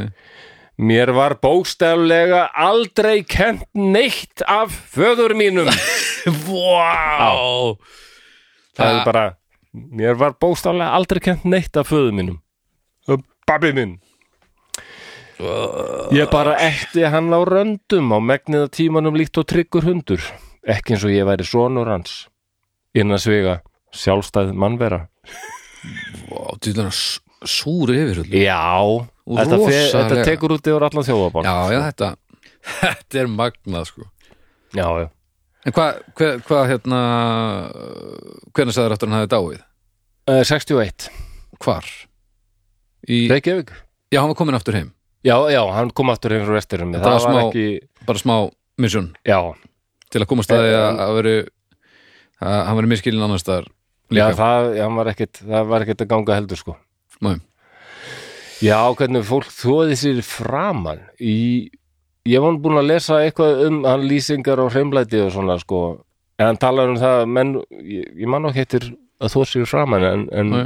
geta haft eitthvað með hland að gera Eh, Já, en, get- getu en talar um allavega sko að menn voru mikið að pissa á hendunar á sér, það þótti Já, bara svo- mjög jákvætt sko Svo trensa Já, og bara staðan verið að eyða vatni í þetta bara, notaðu bara landið Nákvæmlega, ég er hérna með vatni til þess að drekka já, eða já. eitthvað. Hlandir ekki til þess að drekka Nei, það er hálf misetna Já, þetta hefur verið mjög merkilegu maður Já, eins og við segið þetta gæti verið miklu lengra þannig Já. séð sko uh, mér fannst ég ekki hafa, ég áttaði miðlega og send, já, ég var alltaf svona stressaði fyrir þetta því ég hugsaði bara, wow, erðu ég er komin í tímaþröng maður, ég þyrfti til að vera bara á netinu tímun saman, svo hugsaði ég þessi þáttur þarf ekki að vera þannig, þetta er bara svona meiri kynning á Já, sem einstakamanni og hann er örgulega núna orðin þrjú tímar held ég þríti, Meistari. já, aldrei, alveg klárlega Já, Æ, Ég hef ekki hugmyndu það og það skiptir ekki öllu máli heldur, það verður gaman að þessum Já, þetta, þetta var Ég skemmtilegt varð að kynna þið fyrir Jóhannes Já, þetta er stórmerkilegu maður uh, Ég var til í að vita aðeins meira um hann Já, frá öðru sjónurðni frá öðru sjónarhorni já. Já, Þá, já, að því- þá græðum við ekkert á því að lesa meiri þessar bók sko. Nei, en þú Það- verður náttúrulega að klára hana af því að þú ert ekki búið með kaplan sem er með besta nafninu Nei, og ég það- meina, ég er aðeins búin að renni yfir hans ef við erum að vinna með einhverja Að ég- hörmungur þar, þá er- verður Já. við að rífis þetta, Það er aðalega vesturheim sem ég átt aldrei eftir en, en ég, Já. Mm. ég get verið aldrei skrítin í les, ég les en svo er ég með aðra aðferð sem er svona hrað rennir eða ykkur já, þá er ég aldrei bara rosalega fletta en Mm. það situr samt eitthvað eftir já, já, ok ég veit ekki hvort það er eitthvað til að já, Já, ég, ég er að vinna með þetta saman nema að það situr ekkert eftir og mér líður eins og ég hef aldrei lesið nett að því nei, mér finnst ég dóldu heppin með það að margt sem ég, og frekar það sem ég les frekar en það sem ég horfi á og svona, það situr eftir það sem ég sé á prenti það situr meira eftir, ég held að meira segja eitthvað kenningar það er talað um þetta í, í var talað um þetta í háskálanum um sko að læra Það veit ég ekki, Það er það svo- aldrei komið þar inn Nei, það er glæðið að tala um því bara í tengslu við nám almennt, ég man bara eftir þessu háskólanum að það veit ég ekki, ég hef aldrei komið hvað er þetta maður? Góður. Talandum um að ljóma svo 70 Góðu viðbrastímið hann líka Þetta- Ég bara alltaf ekki trúa þessu að þú var alltaf inn að ljóma svo var eldri en ég Ég var að slá að leta strengi þetta Já, skulum, ég hef aldrei komið þeirinn hvað og ég veit um það ekki Rafmagn. Rafmagn- Já, en sem sagt að um, þú skrifar eitthvað niður, þáttu líklegur til að mun- muna það og, og lest eitthvað á prenti sko, það er Mm. frekar en ef þú heyrir eitthvað Já, hjá mér, heyra, heyra þetta Er það? Já, Já, já, Það er þú bara- er kannski bara búin að þjálfa þig meir í því eira mitt það er eina skilningavitið sem að uh, er mjög gott myndi ég segja Já, ég held oft sko að, já Góð Ég saga. stila verstur með það sem ég horfi á Já. uh, En oft svona sögur sem mér hafa verið sagðar sko, þar geta setið eftir mm. og það sem ég les, þannig að ég þarf að lesa meira áralesa sko. Ég Get En bara þetta- ekki já. lesið heima hjá mér Ég fer alltaf að horfa á okkur Netflix eða spila ykkur tölvuleik já, sjálfsægin er engin Nei, en, en ég er orðin svona rosa bóhem að fara á kaffihús og lesa, þar get ég lesið já, ok, næs það Ef er ég er fínt bara með hérna litlu eyrnapottana mína Mm. og ég er með eitthvað svona músík eitthvað Mhm. mm -hmm. eitthvað svona slökunar svona og músík Mýri. um- ef hún væri lag Explosions in the sky eða eitthvað svona hlustir Já. eða, já, bara æsiletað Hammond track úr Dors nei, það er einmitt alveg hinum megin, alveg rétt það má ekki vera söngur nei, nei, nei, nei það bara hammóntrakið, já, æsóleira hammóntrak Já. Vá, Vá, talandi um Vó. að gera einhvern stressaðan það væri bestalega og fljótasta leiðin Á, guð. já, ég les aldrei neitt neins staðar, veistu okkur það er að því Þegar pappi minn, hann kendi mér aldrei neitt Já, þegar ég var bara. barn og, og móður mín og, Ég meina, come on, sko. Þú er tónlistamæður og þú kannt ekki nótur og pappið þinn var tónlistakennari. ég verða Það bara var ekki að kenna þér þetta. Just dæla. að ég þarf að fara að hendi í bók sko. Já, ég meina, hann var ekki dórðin það veikur, hefði getað að kenna þér. þetta, Meina, ég líka las nótur, ég var bara fúll á móti já, og þetta serðu, þetta ertu, núna ertu kannski að gera daldið sem hérna, Ég var- Jóhannes var ekki mikið að gera. sko, hvað segirðu? ég var að gera það viljandi, Flósi þú veist það það var svona, Að, hvað sem varst að gera? ég var að haga mér eins og Jóhannes En varst ekki alveg fúll á móti? jú, ég var fúll á móti sem, ba- eða, húst, Þú sem vildir ekki læra þetta, þú varst bara, mér langaði ekki að læra þetta neitt nei, nei. Nei, eða sérst ég var búin að læra þetta en, en mér langaði ekki að halda þessu við Nei. aðalega bara því að námið bauði ekki upp á að ég mætti spila lögin sem ég fyndi skemmtilega og semja og svo leist þannig að ég hætti náminu og, og glattaði í kjölfærið nótnaðalestrinum Já, og þetta en hefur ég, litað allar þína æfi og einna, mm, þú gætir verið núna að taka, þú gætir núna verið í stúdíóinu sko með Mark Knopfler eða Arion og Grande kannski báðum í einu þetta sem eru alltaf þeir tvei listamenn sem eru hvað þekktastur fyrir Að vinna gríðalega saman. kröfur um nótnaðalestur Já, Já, það er rétt eða bara Adele eða eitthvað, þú væri bara í hugstana í Miami að- í Amerikunni Miami, Já, já, já E, Þetta er, sla, það er sláðandi til þess að hugsa ég... Ég- Bælti því annars að Miami er í Ég- Flórida Já, ég er búin að nota hana brandara held ég. Já, að Flórida geti líka verið verkfæri sem maður finnur í íslensku fjósi það er bara pæling já. ég held ég sé búin að nota hennar brandara Flór Íta íta flórnum Já, Til getur liðar. verið, eh, en já, en, en út af því að pappiðin brást og, og hlýðið þér við því að læra þér óttutar mhm. þá ertu bara hérna með einhverjum þunglundum bjána á Íslandi bara að spjalla Mhm. að bara spjalla, já alla, alla spjalla en nei, þetta, þetta var hérna, áhugavert Ok. og skemmtilegt stórkostlu maður alveg, sem ég þarf að vita meir um já, frá öðrum heimildum væri gott þannig að ef einhver er með ef þið að núti vitið um pistla og eða eitth- eitthvað ef einhver er með frekari insinn inn í já, hvað gekk á þú, í alvörinni, hvernig maður hann var uh, bara alla tíð já hvernig þessu var tekið og ef þið finnið einhverja dóma og eitthvað svona þá væri mjög til í að sjá þetta alls saman af því að ég veit bara að hann var stórkostlu penni mm -hmm, hann var helviti dramatískur mhm. uh, og ég þarf að vita miklu meira þjóðin gaf hann bara stimpilinn sko á sínum tíma að það er ekki lægi með hann, Aðeim. það er bara það hann er nú ekki lægi hann Jóhann og það held sér þá bara út æfina eða já, bara svona, en hann á sína aðdæmundur samt ég Já, er velti já. fyrir mér hvort að hans tími sé bara núna, ég veit ekki ég meina þetta þetta hefur hvernig orðið kvöld dót að einhverju leiti innan ykkakreðsu að unglingsárunum þannig að þetta er eitthvað það var það, þetta er sérmennandi já Þetta þetta er er aldrei á minni kynslu það var þetta aldrei kvöld einmitt. Já. það er aldrei mín kynslu sem byrjar á því sko Mhm. greipið upp, það var alltaf elskuðum alla svona þurðufugla mm enda eru það það eru bestu fuglarnir já, það er það. Þörðarfuglin, það ætti að vera fugl, þjóðarfugl Íslands Já, auðvitað ha, Hvernig lítur hún út? ég veit það ekki Furðufugl. fáum, Er það samt? fáum Björk til að tekna hana eða eitthvað, ég veit það ekki Já, hún er furðufugl. já, við erum, það Eiginlega. eru margir fyrir fuglar hérna Já, já. Herðu. Herðu. Einna bestir. Já, við skulum fara að klára þetta já, ég held ekki að hafa þetta mikið lengra. sko. en við ætlum hins vegar að að hérna, Já, það er smá eftir, já. það er nefnilega smá eftir við ætlum að, að fá að þakka fyrir okkur hérna Patreon liðar Já, ég bara endur tek, klára kannski segja bara, ok, Ó, er það það má, nei, nei, það er bara, bara, ég vildi bara kynna fólk fyrir Jóhannes í Byrkiland, það var megin, megin intak þáttarins Það var og, og tilgangurinn. bókina er hægt að fá á bókarsöndum, ég fekk hana, þetta er bókarsöndbók sjálfur sem ég, ok, það er, ég held um svona alveg ófáanleg til kaup, sko. er hún? Já, ok, og ég bara, hún er skemmtileg og svo býðum við eftir að Jóngnar klári sitt leikrit, ég lakka mjög til að segja það það verður geggjað já, það er í nokkuð vissum en hérna, já, það þarf að lesa Uh, já, þú þú verður að finna nafnið sem að var síðasta nafnið síðast Þú skrifaðir hann niður já, ég skrifaði það niður mm manstu nokkuð, hvar ég skrifaði það niður manstu það ekki Það veit ég ekki og hvað gagnir í þessu þá, ef þú manst ekki hvar ég skrifaði Hjálmar Sigursson Ha?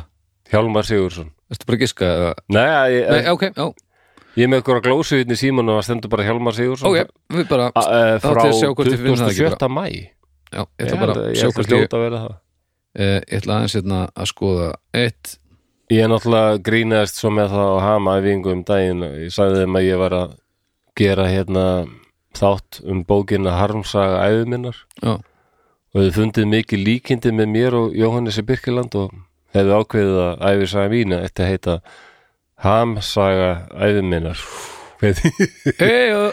já Ég var kannski búinn að nota þetta Það getur verið Já, allir það ekki Herrið, já, þá ætlum við að- að þakka hérna, djáknum og f- flósum þorgerðsbólum fyrir. Það er fólki sem er að stiði okkur á Patreon eh, næst stærsta og stærsta leiðin og við, við viljum hérna, eh, þakka þeim sérstaklega fyrir. Ertu klár, Flósir? Þú ert að fara að segja hérna náttúr og bakk Já, og við, við gerum þetta rætt og öruglega. Jóna Katrín Eyjólfsdóttir. Anói Nýrtag og þessi eftirnöfn Rittóld, Rittóts Flóje Já, við tökum bara tvö, tvö, tvö, tvö nöfn, er það ekki? Það var þannig. Þannig að Jóna Katrín, Anói Nýrtag já, takk fyrir. Konráð Jóð, Þárnog Ói ó já, takk fyrir.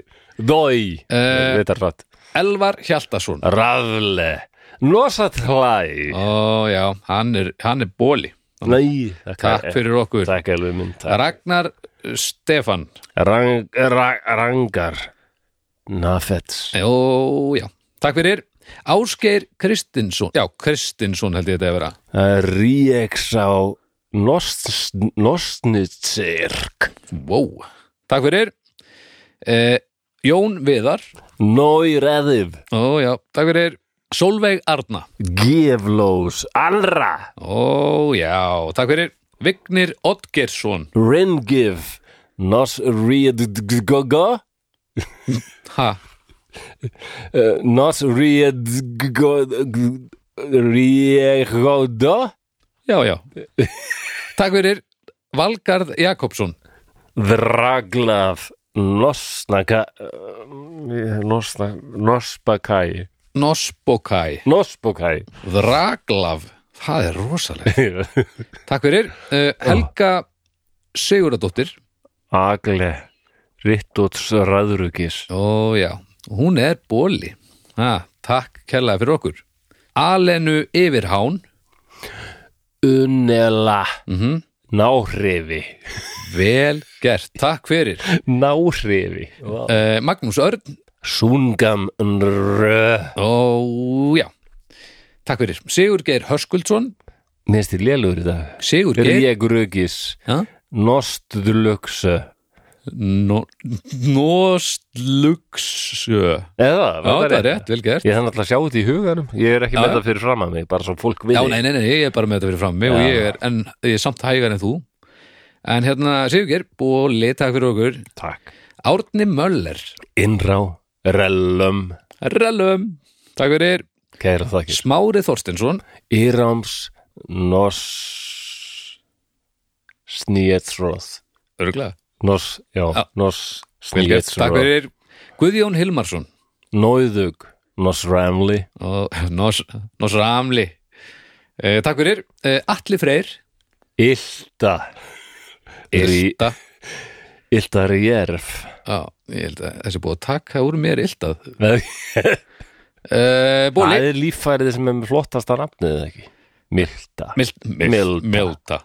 Uh, já, takk fyrir, hann er bóli og annar bóli hérna, Þóri Snær Takk bólar Já, þú, þetta er að segja Þóri Snær, sant? Riróð Ræns Ræns, takk fyrir uh, Ógeð. Hlinur Jón Runil uh, Hlinur Jón, kannski Runil Nói Nói, takk fyrir Erla Þórhaldsdóttir Alre Rittóts Nýra Róð uh, Þórhaldsdóttir Þór Halls Já, Já, já Slagróð, já, Rittóts Slagróð slarróð Takk fyrir, Heiðar Stefánsson Raðje, Nosnafets Já, hann er bóli, takk Takk fyrir hella uh, Egil Bjarni Líka Inræ Ó já, takk fyrir Inræp uh, Hreinn Ingólfsson Hreinn Já, Nunjér Nos flókni Ó, já, takk fyrir okkur uh, Já, Anna Anna Já, takk fyrir, það er ekkert meira Það er bara, já, vel spilað og takk góð- hérna fyrir okkur á, þetta er humoristi uh, Vigfús Adolfsson Zúfgif Nosflota Ó, já, Vá, takk fyrir, Nosflota mjög gott Lára Fanny, Arál Jennaf ó já, takk fyrir Evert Ingjaldsson Trefi Já, ég er með hérna. höfverkið Ég Nostrægni er með höfverkið til að ég held ég verið að fara að hitta trefi Tre... Uh, vá, mér sé ég skildi ekki hennar brandara Nei, Eh, nei, ég- Var þetta brandari eða, var þetta, eða er ég læknir? Hvað á- En allavega, takk varst- fyrir. Varst það þúsund treo? Ég veit það ekki Almar Örn, Ah, Almar Almar Örn Ramla Nunrö Ó já, takk fyrir Baldur Kristinsson Rudlap Nostnitsirk Já, takk fyrir, hann er bóli, hann er Já, bóli. takk Bóli Eh, Jón Tómasson Nói Nostnamót Ó já, takk fyrir Gísli Dúa Ilsig Það, það er næstum eins og Ilsig Já, Ilsig Ádu ád Ád Mjög gott, Já. takk fyrir Gunni, Innug já, takk fyrir Kristín Agnarsdóttir Nýtsirk Ritt og Tranga Ó já, takk fyrir Ívar Örn Ravi en Rö Vel gert. Takk fyrir Kristrún Louise. Núrtsirk Louise Louise Já, eh, Sjúl eila is esjúl. Já, Já, þetta er pínu trikki en, en vel gert. Takk fyrir. Gústi taxidræfur. wow Itsug Revirt Yksat Já. River Dixat. River Eh, Dixat. Revirt eða ekki Eh, Revit, Drevir. já fyrir ekki, ég er ekki veit ekki hvað Driver, er hérna já, að leiðrétta Revir. hérna. Takk fyrir. Ingvar Samuelsson. Rafgni Nosleumas Mm Vel gert.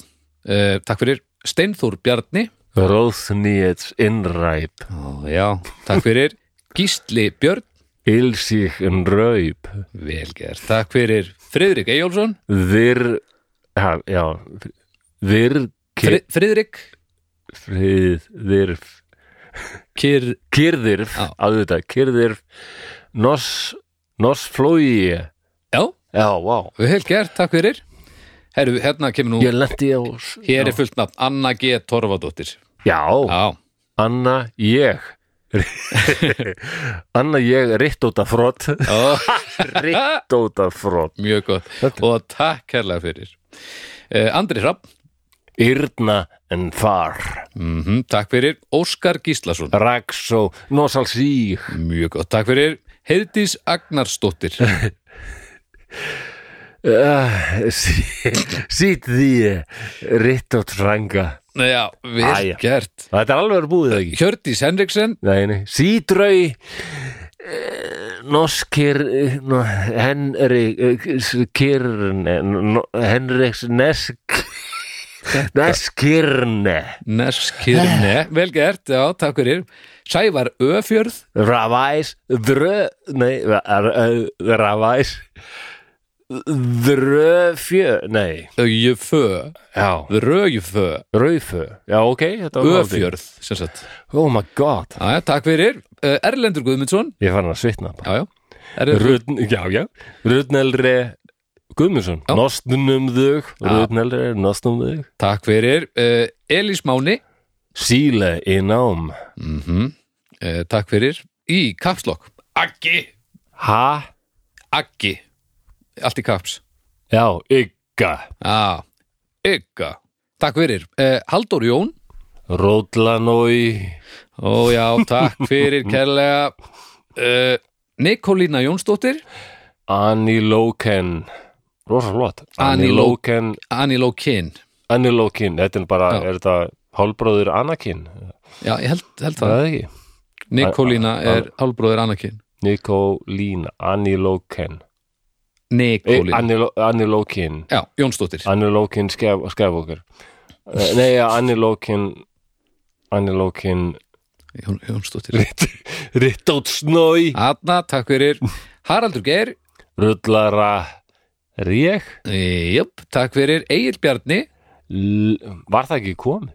Nei, Þú ert bara endur Kannski voru tveir Egil Bjarni, ég veit það ekki Já, líki Innræp Ó já, takk fyrir Sonja Sigurjónsdóttir Ænors Rittot Snójurugis Ó, já, sáttur Já, Kjartan Traustason Natræk Nossatsuart Ó já, takk fyrir Gunnar Víðisson Eh, Rannug Nossiðýf Ná, Ná, já, já, já, síðir. vel gert, vel gert Ná, já, síðir. Þetta hljóma eins og spurning Já, það er þannig að- bara- já, það er svona framburðurinn er Já, svona, takk fyrir eh, Kristján Pálsson Þetta veit ekki hvað er hátur Aftur og bakk Ha, Kristján Pálsson, Nátsir Nossláp já, takk fyrir Jóhannes Þórarinsson, Sennahói Nossniraróð já, takk fyrir Magni Þór, Ingamróð mm takk fyrir Einar Jónsson, Ranje Nossnói já, hann er bóli Takk fyrir fyrir það. Ha.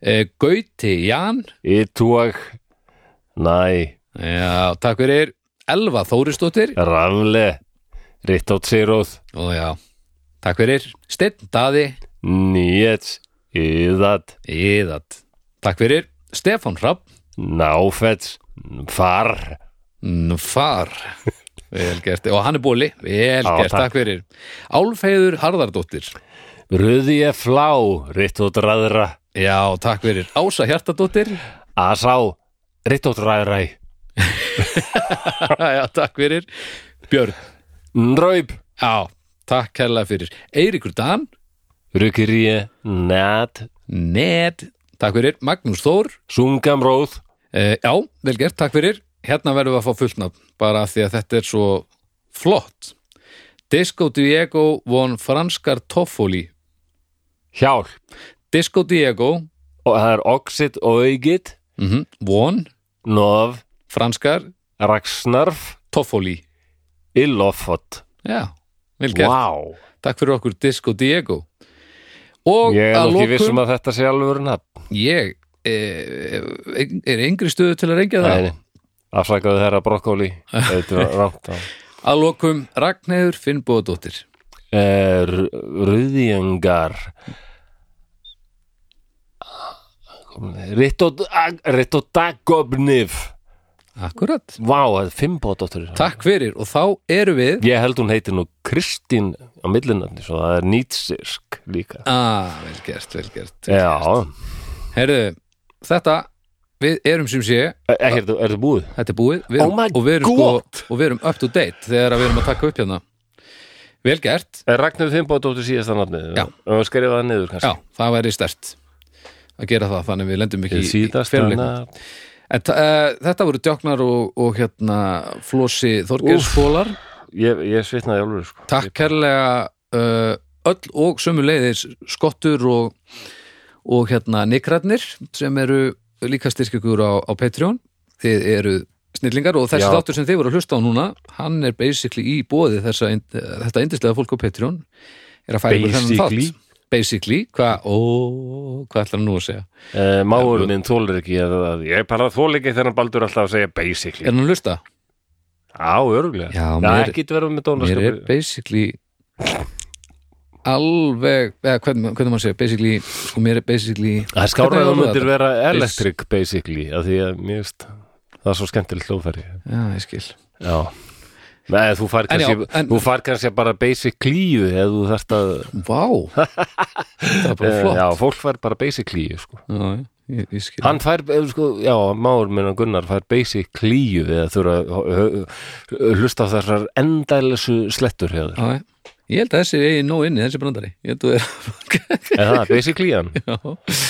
Eh, hérna, en það er allavega þetta fallega fólk eh, sem er með okkur á Patreon sem Ó, já, að, takk. eh, er ástæðan fyrir að, að, að þið eru að hlusta á hana þátt núna Það er alveg hárétt. og ef þið viljið e, skoða það hvort þið viljið slást í hópin þá getið þið farið hérna, fundið link í lýsingur á þættinum Eða Það bara var farið inn á kallast nú Patreon. hlekkur á góður íslensku, eða sko. bara þegiðu, Já, basically þegiðu Ha, allavega, og svo er þetta Urðugerð. patreon.com skástrygg draugar fortíðar, það getið kynntir um málið skoða leiðirnar, hvað þið fáið og svona og við erum að skoða það ég er að skoða í þessum hérna, tölu orðum að einhverjum svona viðbótum og eitthvað og, og við vorum núna bara nýlega að detta yfir hérna, ákveðin fjölda og við skuldum núna Patreon liðin okkar að, að við þurfum að taka upp akústíska útgáfu af stefinu það er ekki hægt. það verður alveg hella það því að þetta er Áttu þetta til á nótum? Nei, þú áttu þetta ekki til á nótum Ég- Akkur áttu þetta ekki til á nótum Af því faðir þinn eidilaði tónlistarlegt uppeldið þitt Með því að hlýfa þér við því að læra tónfræði já,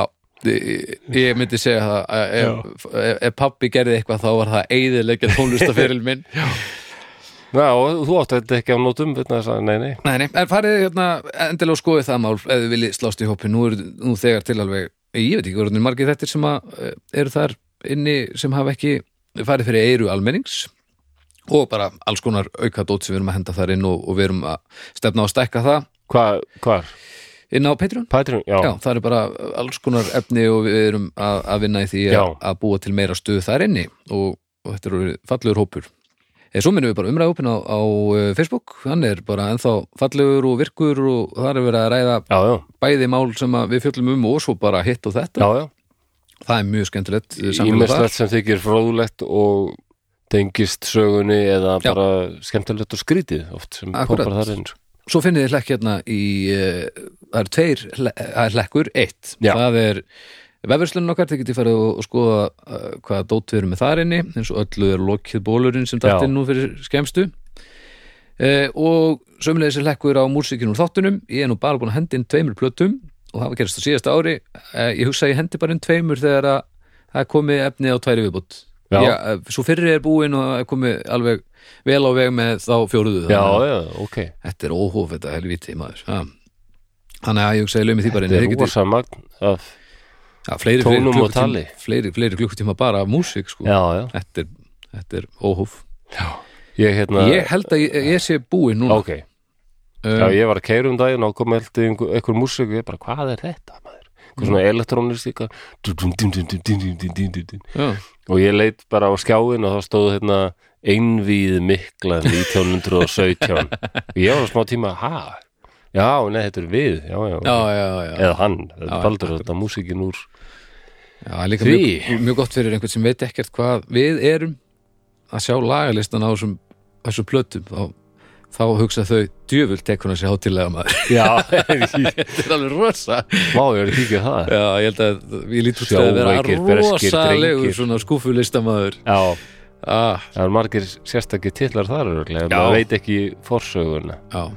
En eða, þá hérna, skulum við bara segja svo lokið, takk fyrir að hlusta, þetta var gaman, skemmtilegu þáttur og svona stuttur og við heyrums bara eftir síðar, er það ekki?